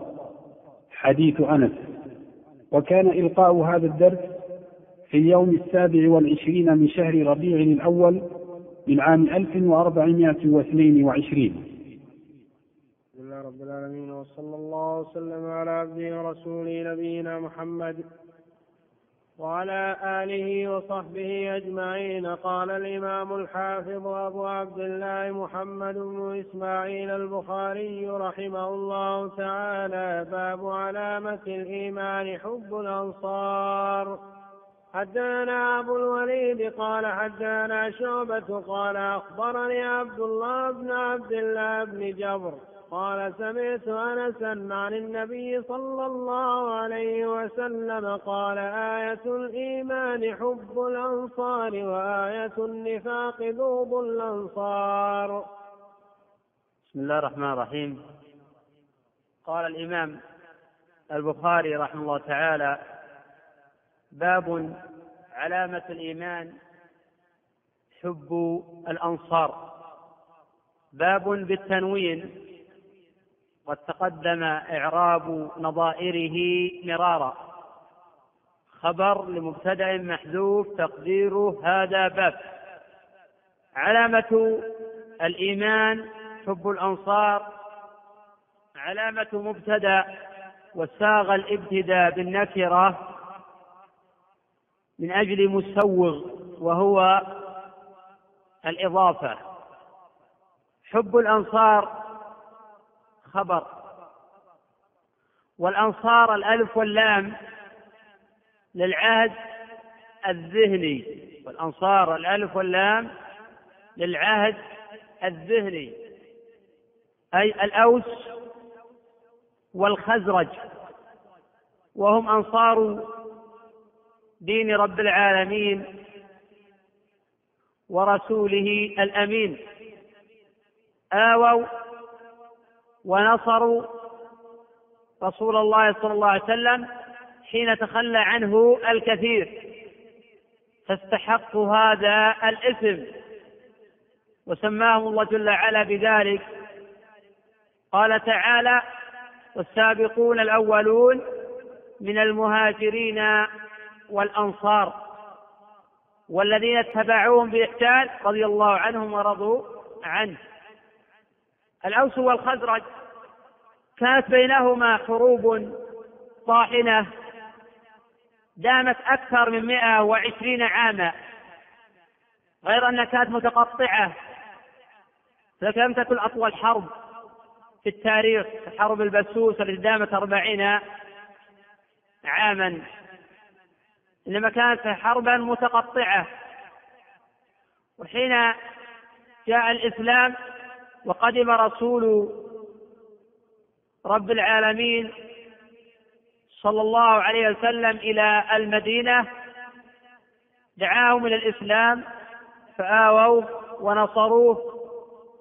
وامنوا بالله جل وعلا فاجتمع شملهم وذهبت الضغائن عنهم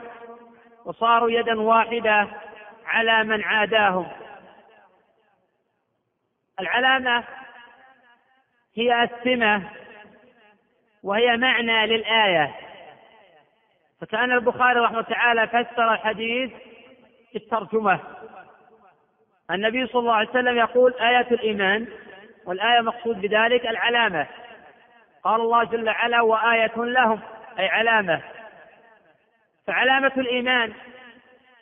أن تحب الأنصار تبعا لمحبة الله ومحبة رسول الله صلى الله عليه وسلم فمن أحب الأنصار أحبه الله ومن أبغضهم أبغضه الله ولا يعني هذا أن المرء يستقل بمحبتهم دون العمل هذا غير مراد قطعا زيادة على هذا أنه لا يتأتى فمن أحبهم من قلب عمل بسيرتهم وسار على طريقتهم قال البخاري رحمه الله تعالى حدثنا أبو الوليد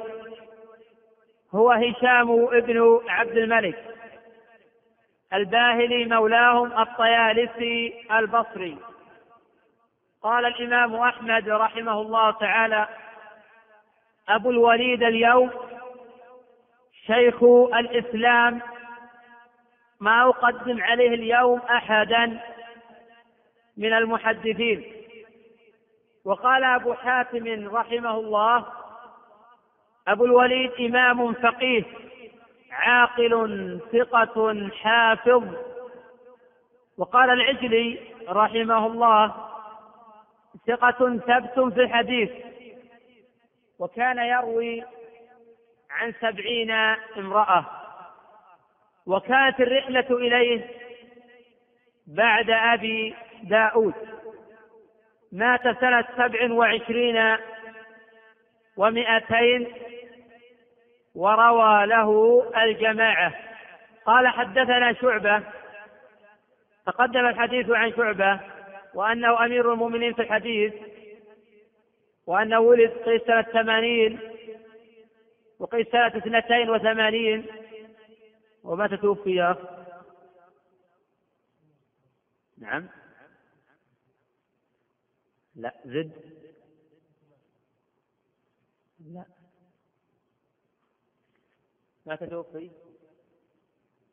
صحيح متى توفي شعبة نعم وافق الأخ يقول توفي سنة ست وخمسين ومئة والأخ يقول توفي سنة ستين ومئة نعم توفي سنة ستين ومئة قال أخبرني أي قال شعبة أخبرني عبد الله ابن عبد الله بن جبر ويقال جابر بن عتيك الأنصاري المدني تابعي ثقة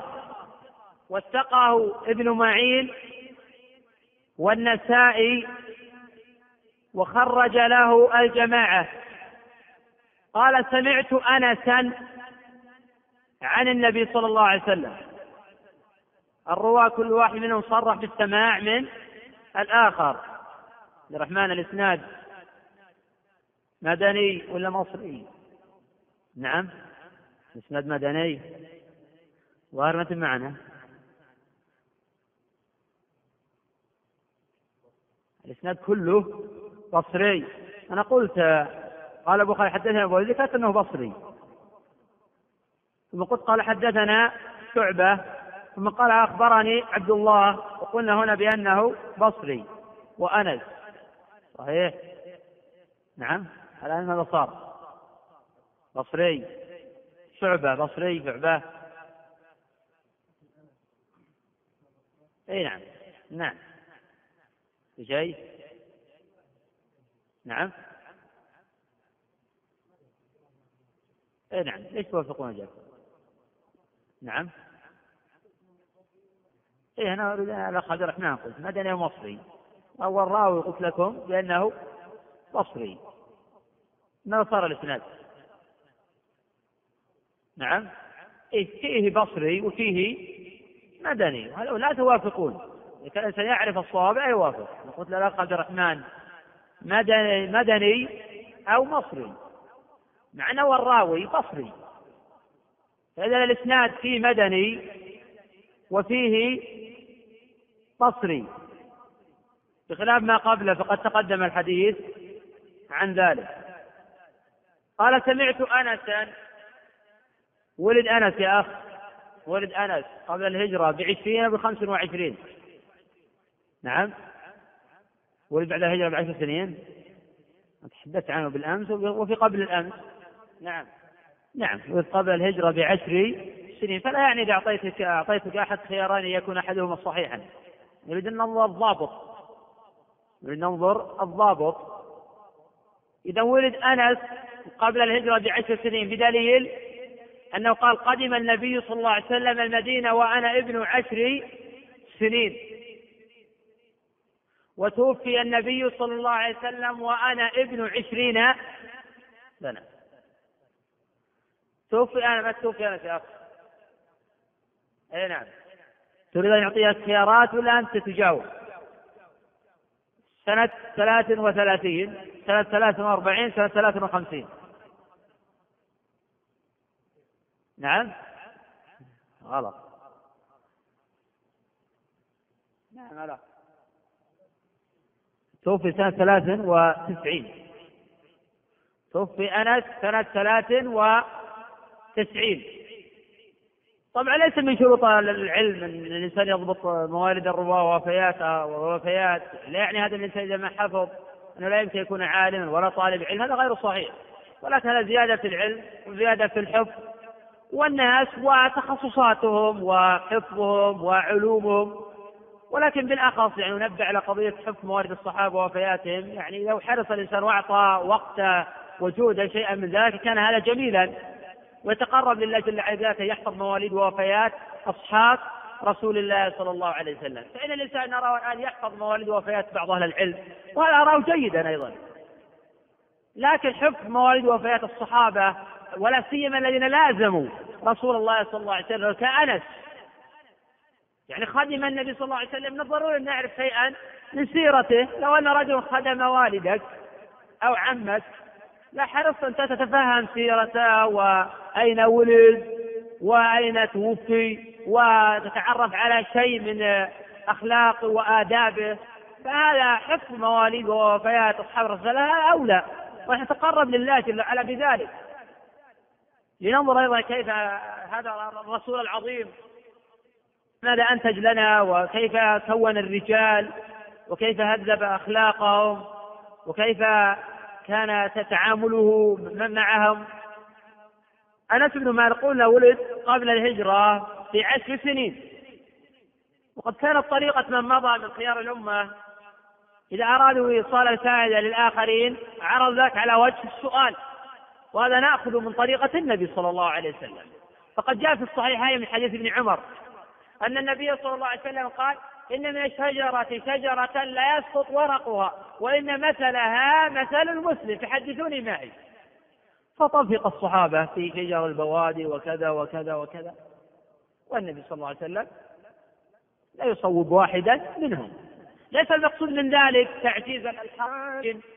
المقصود من ذلك أحد أمرين اختبار معلومات الحاضرين وتفاهم المسألة لأن مسألة لو قلناها لا مرت مرور الكرام والدليل على هذا انني نبهت عده مرات على ما ولاده انس ووفاه انس ومع ذلك مرت مرور الكلام لكن اتصور في من الغد لو سالت لاجاب الكل هذا المقصود من ذلك يعني لا, لا عجب ان يخطي واحد منكم في حفظ مواليد فلان وفلان لان البعض قد لا يحفظ متى ولد هو فلذلك يعني هذا للتمرين والتعلم فذلك قال النبي صلى الله عليه وسلم النخله ويقول النبي صلى الله عليه وسلم لمعاذ لما حق الله على العباد وحق العباد على الله وقلت الله ورسوله اعلم في حديث زيد بن خالد في الصحيحين تدرون ماذا قال ربكم الليله الاحاديث في هذا الباب كثيره يلقى النبي صلى الله عليه وسلم آه، المساله على وجه السؤال ليختبر ما عنده من العلم ولكي يحفظوها ويعوها ويضبطوها قال انس عن النبي صلى الله عليه وسلم ايه الايمان الآية العلامة الآية العلامة قال الله جل وعلا وآية لهم أي علامة الإيمان الإيمان إذا أطلق الإيمان إذا أطلق في كلام الله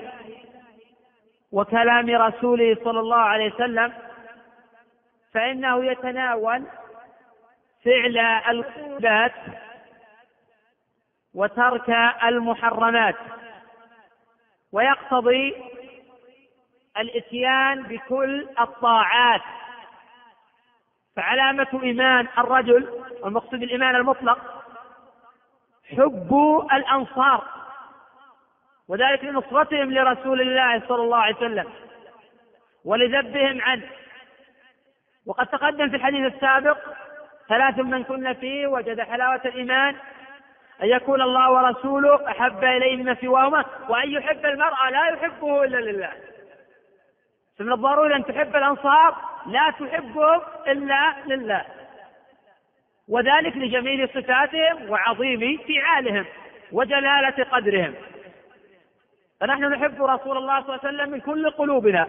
ونحب كل من ناصره ولا سيما الأنصار ومن باب الأولى أن نحب المهاجرين لأن المهاجرين أفضل من الأنصار فقد قدم الله المهاجرين على الأنصار والنبي صلى الله عليه وسلم قال لو سلك الأنصار واديا وشعبا وسلك الناس واديا وشعبا لسلكت وادي الأنصار وشعبها والحديث متفق على صحته من حديث أنس بن مالك رضي الله عنه وفي الصحيحين يقول صلى الله عليه وسلم لولا الهجرة لكنت امرأ من الأنصار ويقول صلى الله عليه وسلم الأنصار شعار والناس دثار وذلك لبيان فضل الأنصار وعظيم قدرهم وكبير منزلتهم فذلك أمر النبي صلى الله عليه وسلم بالإحسان إلى محسنهم والتجاوز عن مسيئهم وقد تقدم أن المقصود بالأنصار هم الأوس والخزرج والناس يتفاوتون في حب الأنصار على حسب تفاوت إيمانهم وعظيم محبتهم لله وللرسول صلى الله عليه وسلم وكلما أحب الإنسان ربه من كل قلبه وأحب رسوله وتعمقت هذه المحبة في القلب كلما أحب أولياء الله وأنصار هذا الدين وبالأخص الأنصار فقد فرض الله محبتهم وقال صلى الله عليه وسلم لا يحبهم إلا مؤمن ولا يبغضهم إلا منافق فإذا قلت هذه المحبة نقص الإيمان ولكن إذا عدمت هذه المحبة قال الإنسان أنا لا أحب الأنصار مطلقا نقول هذا منافق خالص ولا يقال بأنه ضعيف الإيمان لا يقال هذا منافق خالص وهذا النفاق والنفاق الأكبر لأن هذا طعن في أصحاب رسول الله صلى الله عليه وسلم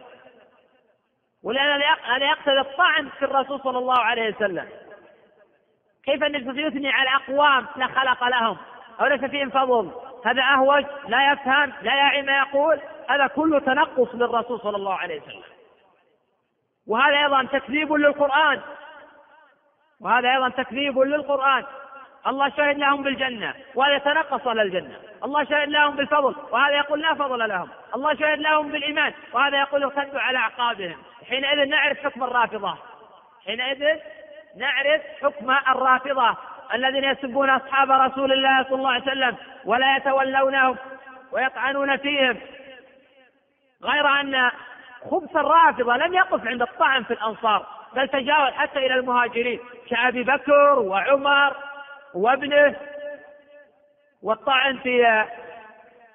كل أصحاب رسول الله صلى الله عليه وسلم من المهاجرين والأنصار باستثناء آل البيت وقد طالهم أيضا شيء من سلاطة ألسنتهم الرافضة لا يقتصر ضلالهم على سب الصحابة وعلى تنقصهم فهم لا يقرون بتوحيد العبادة والتوحيد عند الرافضة هو توحيد الربوبية بمعنى أنه هو توحيد المشركين وينسبون البدا لله رب العالمين وهذا كفر مستقل ولا يثبتون لله الأسماء ولا الصفات وطوائف منهم يزعمون أن القرآن الذي نقرأه ونتلوه الآن بأنه محرف وأن الكتاب المنزل هو ما بأيديهم ويسمونه مصحف فاطمة ولا يعرفون إلا القليل منهم غير أن الطوائف من الرافض ينكرون هذا القول ويؤمنون بالقرآن لكن لا يؤمنون بأحكامه لو كان حقا يؤمنون بالقرآن لآمنوا بقول الله جل وعلا والسابقون الأولون من المهاجرين والأنصار والذين اتبعهم بإحسان رضي الله عنهم ورضوا عنه كيف تؤمنون بذلك؟ هذا لتكذيبهم بالقرآن الله جل وعلا يقول لا يستوي منكم من أنفق من قبل الفتح وقاتل أولئك أعظم درجة من الذين أنفقوا من بعد وقاتلوا وكلا وعد الله الحسنى الله شاهد لهم بالجنة وهؤلاء يشهدون لهم بالنار ويدعون أنهم ارتدوا على أعقابهم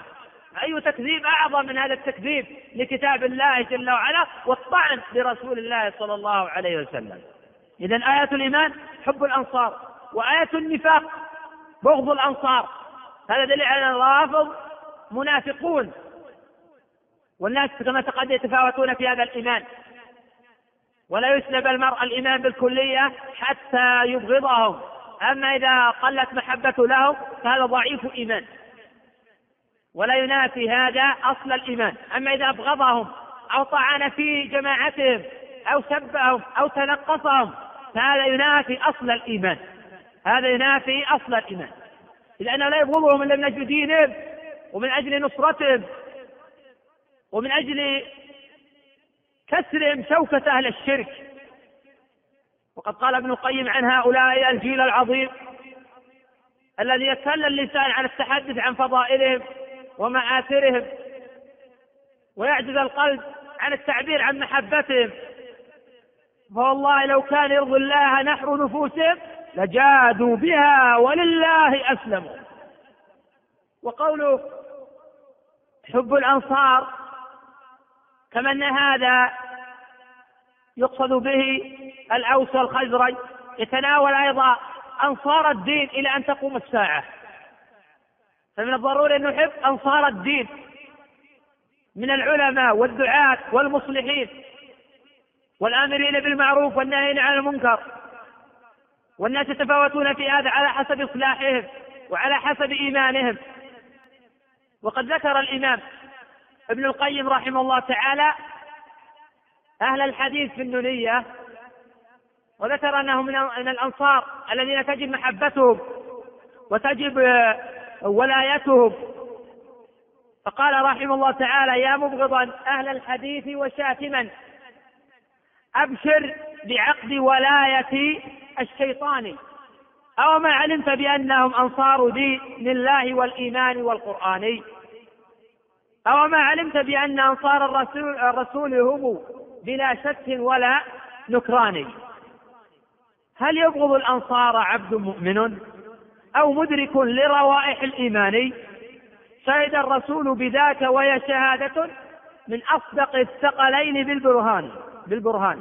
أو ما علمت بأن خزرج دينه والأوس هم, هم أبدا لكل زمان إلى أن قال رحمه الله تعالى يا من يعاديهم لأجل مآكل ومناصب ورياسة الإخوان تهنيك هاتيك العداوة كم بها من حسرة ومذلة وهوان ولسوف تجني غبها والله عن قرب وتذكر صدق ذي الإيمان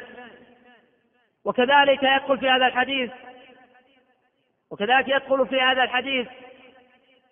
عداوة أهل العلم والإيمان والدعاء أي يدخل في النفاق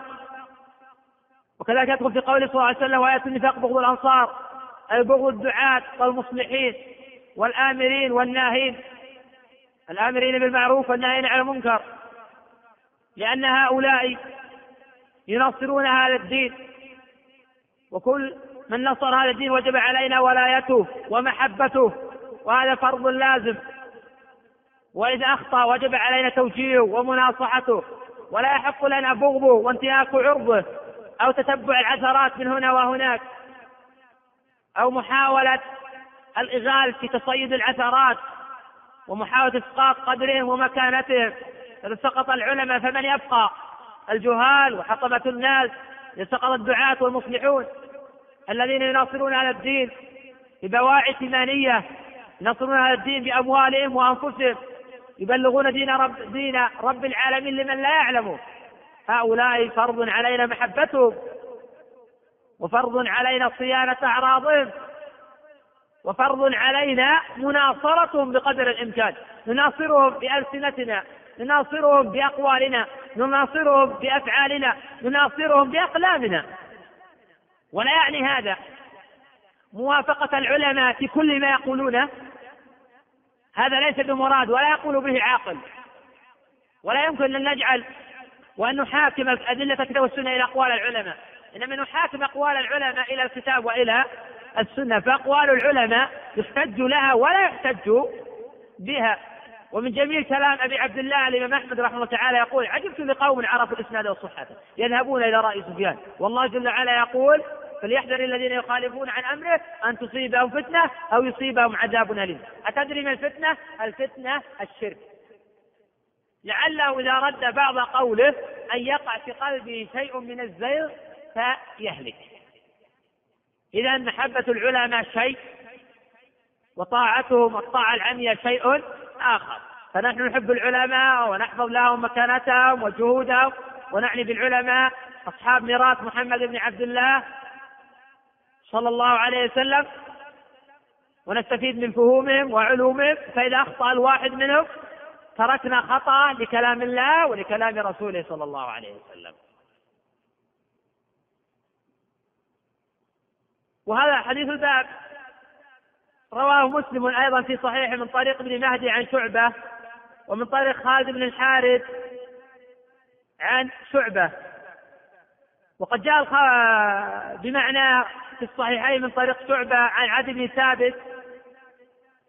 قال سمعت البراء يحدث عن النبي صلى الله عليه وسلم أنه قال في الأنصار لا يحبهم إلا مؤمن إلا ذا حصر لا يحبهم أي لا يحب الأنصار إلا مؤمن مؤمن ذي الحصر ولا يبغضهم إلا منافق من أحبهم أحبه الله ومن أبغضهم أبغضه الله فمن أحبهم أحبه الله وهذا قريب من كل خير ومن أبغضهم أبغضه الله وهذا قريب من كل شر وجاء في صحيح مسلم أيضا من حديث سؤال النبي صالح عن أبي عن أبي هريرة أن النبي صلى الله عليه وسلم قال لا يبغض الأنصار رجل يؤمن بالله واليوم الآخر وجاء بمعناه في صحيح مسلم أيضا من حديث أبي سعيد ويؤخذ من هذا الحديث كفر الروافض أيضا لأنه قال لا يبغض الأنصار رجل يؤمن بالله واليوم الآخر لو كانت الرافضة تؤمن بالله واليوم الآخر ما أبغضت الأنصار أضافوا إلى هذا الضلال العظيم بغض المهاجرين أيضا يقولون عن ابي بكر بانه ارتد بعد وفاه النبي صلى الله عليه وسلم وقالوا ايضا مثل هذا عن عمر وقالوا عن عثمان بانه منافق هؤلاء المهاجرون افضل من الانصار فاذا جاء هذا في المهاجرين فهو في الانصار اعظم فلا يحبهم الا مؤمن ولا يبغضهم الا منافق مغموس في النفاق النبي صلى الله عليه وسلم يقول إيه ابن الخطاب ما راك الشيطان سالكا فجا إلا سلك فجا غير فجك من روى الحديث من روى الحديث متفق على صحته الرافضة يبغضون اسم عمر ولا يتسمون بهذا الاسم لماذا؟ لأن النبي صلى الله عليه وسلم يقول إيه ابن الخطاب ما راك الشيطان سالكا فجا فهم شياطين يهربون حتى من اسم عمر ما راك سالكا فجا إلا سلك فجا غير فجج مناسبة الحديث لكتاب الإيمان أن الإيمان يزيد بالطاعة وينقص بالمعصية والمعاصي نوعان النوع الأول تنافي أصل الإيمان كبغض المهاجرين والأنصار ونوع ينافي كماله الواجب كفعل الكبائر ونحو ذلك وناخذ من الحديث أن الأعمال القلبية من الإيمان والأعمال داخلة في مسمى الإمام باتفاق على السنة والجماعة ونأخذ من هذا الحديث بعض خصال الإيمان وبعض صفات المنافقين ونستفيد من هذا الحديث وجوب حب الأنصار وأنه فرض لازم ونستفيد من هذا الحديث بيان الطوائف المنحرفة الأخرى في الصحابة وأن من أبغض الصحابة وجب علينا بغضه وتحرم علينا موالاته لا تجد قوما يؤمنون بالله واليوم الآخر يوادون من حاد الله ورسوله وأي محادة أعظم من بغض حزب الله وأنصار دين رب العالمين هؤلاء نصروا الدين وبذلوا نفوسهم محتسبين وأموالهم صابرين ويأتي آه شخص يبغضهم ويسبهم ويشتمهم أو يكفرهم هذا يجب علينا بغضه وعداوته والهرب من ظله ونستفيد من الحديث أيضا أن المقصود بالأنصار هم الأوس والخزرج ويدخل في ذلك كل من نصر هذا الدين بيده أو بلسانه أو بقلمه ونستفيد من هذا الحديث أنه يدخل فيه من هو أولى منهم كالمهاجرين ويؤخذ من الحديث أيضا الرد على النواصب الذين يبغضون اهل البيت أو يسبون عليا أو لا يتولونه أنا يعني أولى من المهاجرين الأنصار بذلك ومن أشد الناس نصرة لهذا الدين وقد جاء في صحيح مسلم حديث الأعمش عن عدي بن ثابت عن زر عن علي رضي الله عنه قال والذي فلق الحبة وبرع النسمة فإنه لعهد النبي الأم إلي ألا يحبني إلا مؤمن ولا يبغضني إلا منافق فإن قيل إن هذا يقتضي أن الذين قاتلوا عليا أو جرى بينه وبين علي بعض الحروب والأحداث يكونوا منافقين نقول هذا لا يقتضي لأن الصحابة مجتهدون وهم أهل للاجتهاد فالمصيب منهم له أجران والمخطئ له أجر واحد وأهل السنة متفقون أن الحق مع علي رضي الله عنه وأن يجب الترضي على بقية الصحابة وأنهم مجتهدون في ذلك ولذلك يرى كثير من أهل السنة عدم ذكر ما جرى بينهم لأن هذا يوغر في صدور العباد إلا على وجه بيان الحقيقة والترضي عن الجميع وبيان محاسنهم ومآثرهم ونحو ذلك وقد جاء في الصحيحين أن النبي صلى الله عليه وسلم قال إن الحاكم إذا اجتهد فأصاب فله أجران وإن أخطأ فله أجر واحد الصحابة هم أحق الناس بهذا الحديث وهم مستعدون ولا ريب في هذا بخلاف من جاء بعدهم واي اجتهاد للرافضه حين يكفرون المهاجرين والانصار وهم ليسوا اهلا للاجتهاد اصلا بل لو اجتهد عالم بهذا لكان ضالا مضلا منحرفا عن الصراط المستقيم كيف يجتهد في تضليل اناس عدلهم الله كيف يجتهد في تضليل اهل الجنه هذا لا لا مجال للاجتهاد في هذا لا مجال للاجتهاد في هذا اجتهاد نوعان اجتهاد يعذر به صاحبه واجتهاد لا يعذر به صاحبه وهذا من الاجتهاد الذي لا يعذر به صاحبه لانه مخالف للامور القطعيه خالف الامور القطعيه الوارده في الكتاب والسنه والله اعلم نعم ذكر بعض اهل العلم ان الانصار هم الذين ناصروا النبي صلى الله عليه وسلم ويدخل في ذلك آه، اولادهم من ينتسب الى الاوس والى آه، الخزرج وقد اشرت الى هذه القضيه وقلت ان المقصود بالانصار هنا الالف واللام للعهد الذهني هم الاوس والخزرج الذين ناصروا النبي صلى الله عليه وسلم وبذلوا اموالهم وأنفسهم وآووه ونصروه وحموه وبذلوا كل رخيص وثمين في سبيل آه، تمكينه وإقامة حكم الله في الأرض هؤلاء هم المقصودون بهذا الحديث ويدخل في ذلك دخولا أوليا ويدخل في ذلك أنصار الدين لن تقوم الساعة من أولادهم وأحفادهم وأولاد المهاجرين وأحفادهم ومن أهل الحديث وأهل العلم ودعاة آه، الصدق لأن لهم آه، حظا من النصرة فكل من نصر هذا الدين فله حظه من هذا الخبر العظيم وهذا يقصد أن نجتهد في مناصرة هذا الدين بألسنتنا وأقلامنا وأعمالنا فليس قد ينصر الدين بعمله حيث مثلا آه، تتمثل في حقيقة الإسلام تتمثل في حقيقة الإيمان من الصدق وحسن المظهر ومن التعامل مع الآخرين ومن أداء أركان الإسلام وأداء أركان الإيمان حيث أن الناس إذا رأوا مثل هذا جعلوا قدوة لهم ونحو ذلك هذا نوع من الدعوة فكيف تنضم إلى هذا دعوة الناس وتوجيههم كيف ينضم إلى هذا تعليمهم وإفتاؤهم كيف ينضم إلى هذا جهاد في سبيل الله جل وعلا النبي صلى الله عليه وسلم يقول جاهدوا المشركين بأموالكم وأنفسكم وألسنتكم رواه النسائي وغيره بسند على شرط مسلم حديث حميد الطويل عن حديث حماد بن سلمة عن حميد الطويل عن أنس بن مالك أن النبي صلى الله عليه وسلم قال وقوله صلى الله عليه وسلم جاهدوا هذا أمر للمجاهدة مشرك بأموالكم حتى تبذل مالك في جهاد الروس تبذل مالك في جهاد آه، اليهود باموالك وأنفسكم إذا استطعت أن تذهب فتقاتل أعداء الله فهذا أمر مطلوب وألسنتكم تسل لسانك وتسخره في نصرة الحق في نصرة الدعوة وفي سبيل الذب عن سنة الرسول صلى الله عليه وسلم من تحريف الغالين وانتصار المبطلين وتأويل آه، الجاهلين فإذا فعلت ذلك فلك حظ عظيم من الحديث آه، ومن آه، الدخول في المحبة المفروضة على العباد قال من أنصار إلى الله قال الحواري نحن أنصار الله فكل من ناصر هذا الدين فله حظ من هذا الحديث نعم. ناخذ من الحديث من لا يشكر الناس لا يشكر الله يعني نحبهم باعتبار نصرتهم كما نبغض ابا جهل ونبغض ابا لهب اعتبار تخلفهم عن ركاب الدعوه عن ركاب اهل الاسلام ولبغضهم لله وللرسول صلى الله عليه وسلم إذا ضابط المحبة وضابط البغض أن من نصر هذا الدين دليل على أنه يحب الله ويحب الرسول صلى الله عليه وسلم فكون الإنسان يبذل ماله محتسبا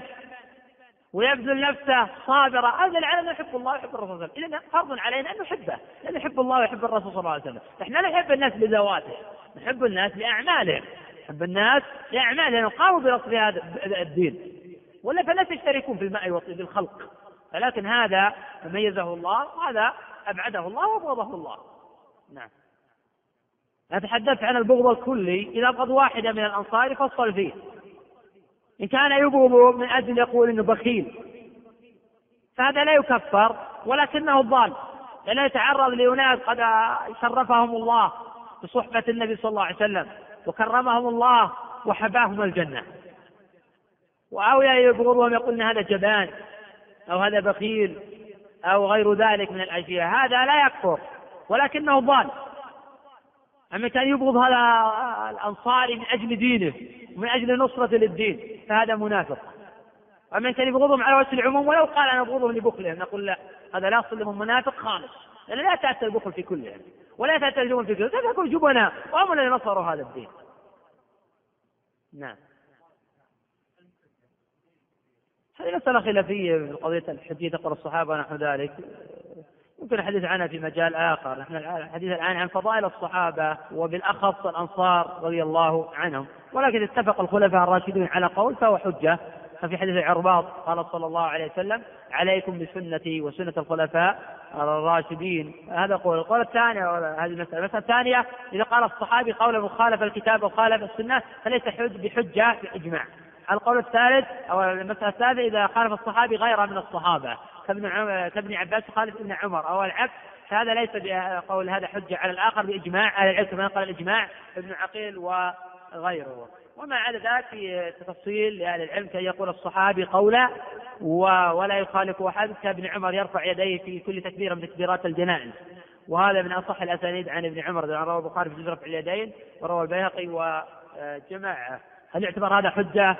الجمهور يعتبرون هذا حجة وإليه ذهب الإمام آه، مالك والشافعي وأحمد يقول أنه لم يخالف ابن عمر أحد وذهب أهل الكوفة إلى أن هذا ليس بحجة إنما يرفع يديه في الأولى دون الثانية والثالثة والرابعة لأن الأولى تقاس على الصلاة ولها نظائر أما الثانية والثالثة ليس لها نظائر ولأنه صلى النبي على الجنائز آه، بضع سنين أو أكثر ولا ذكر عنه أنه كان يرفع يدي فعلم احتفاظها آه، وأن السنية في الأولى دون الأخرى هذا محل اجتهاد فتبقى المسألة محل احتمال ومحل اجتهاد ويعتبر بذلك القرائن والتصحيح المرجحات الأخرى تقتضي ترجيح قول على قول نعم نعم ويترى على انفسهم وكانوا خصال نزلت الانصار رضي الله عنهم وارضاهم نعم هي نزلت فيهم ولكن لنقتدي بهم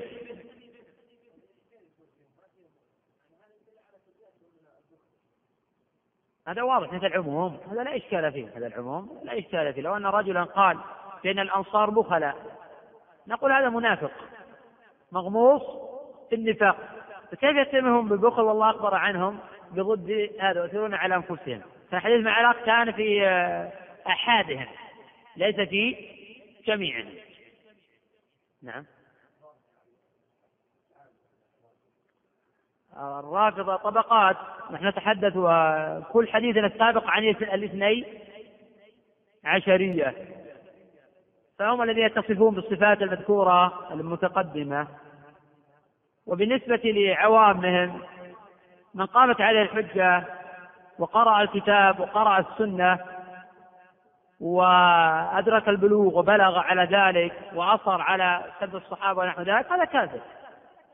لأنه لا يعذر بمثل هذه الأمور حين يقرأ الكتاب ويقرأ السنة أي عذر له حين يقرأ قول الله جل وعلا السابقون الأول المهاجرون الأنصار والذين اتبعهم بيته رضي الله عنهم ورضوا عنه كيف يأخذ أقوال علمائه وأقوال مشايخه ويدع كلام رب العالمين وكيف نعلم الظروف والحالة هذه الاحاديث متواتره عن النبي صلى الله عليه وسلم قد يقول قائل ان الحديث يعني قيل ان اهل الكذب اهل السنه يختلقونها نقول هب اننا سلمنا بهذا انه باطل شرعا وعقلا لكن ماذا نصنع ماذا يصنع بادله القران ولا سيما قول الله جل وعلا لا يستوي منكم من انفق من قبل الفتح وقاتل اولئك اعظم درجه من الذين انفقوا من بعد وقاتلوا وكلا وعد الله الحسنى ماذا يصنع بهذه الايه تقتضي ايمانهم تقتضي انهم هم اهل الجنه فحين يسبهم ونحن ذلك هذا يقتضي كفره وردته ولا شيء انهم يعبدون الاوثان ويدعون العلي والاولياء والصالحين وعندهم كفريات كثيره تناقض الامور القطعيه المذكوره في القران كذا اشياء تناقض حتى صريح العقل فاي عذر لهؤلاء لكن لو وجد شخص مثلا ما قرأ القرآن ولا قرأ السنة هذا له حكم آخر لا الرافضة مجلس هذه الأمة اللي ورد القدرية مجلس هذه الأمة قدريه مجلس هذه الأمة والحديث ضعيف فلا يصح رفعه وإنما جاء هذا موقوفا ومعنى أن القدرية مجلس هذه الأمة لأن يعتبرون أن الله يخلق الخير ولا يخلق الشر إذا الحقيقة أثبتوا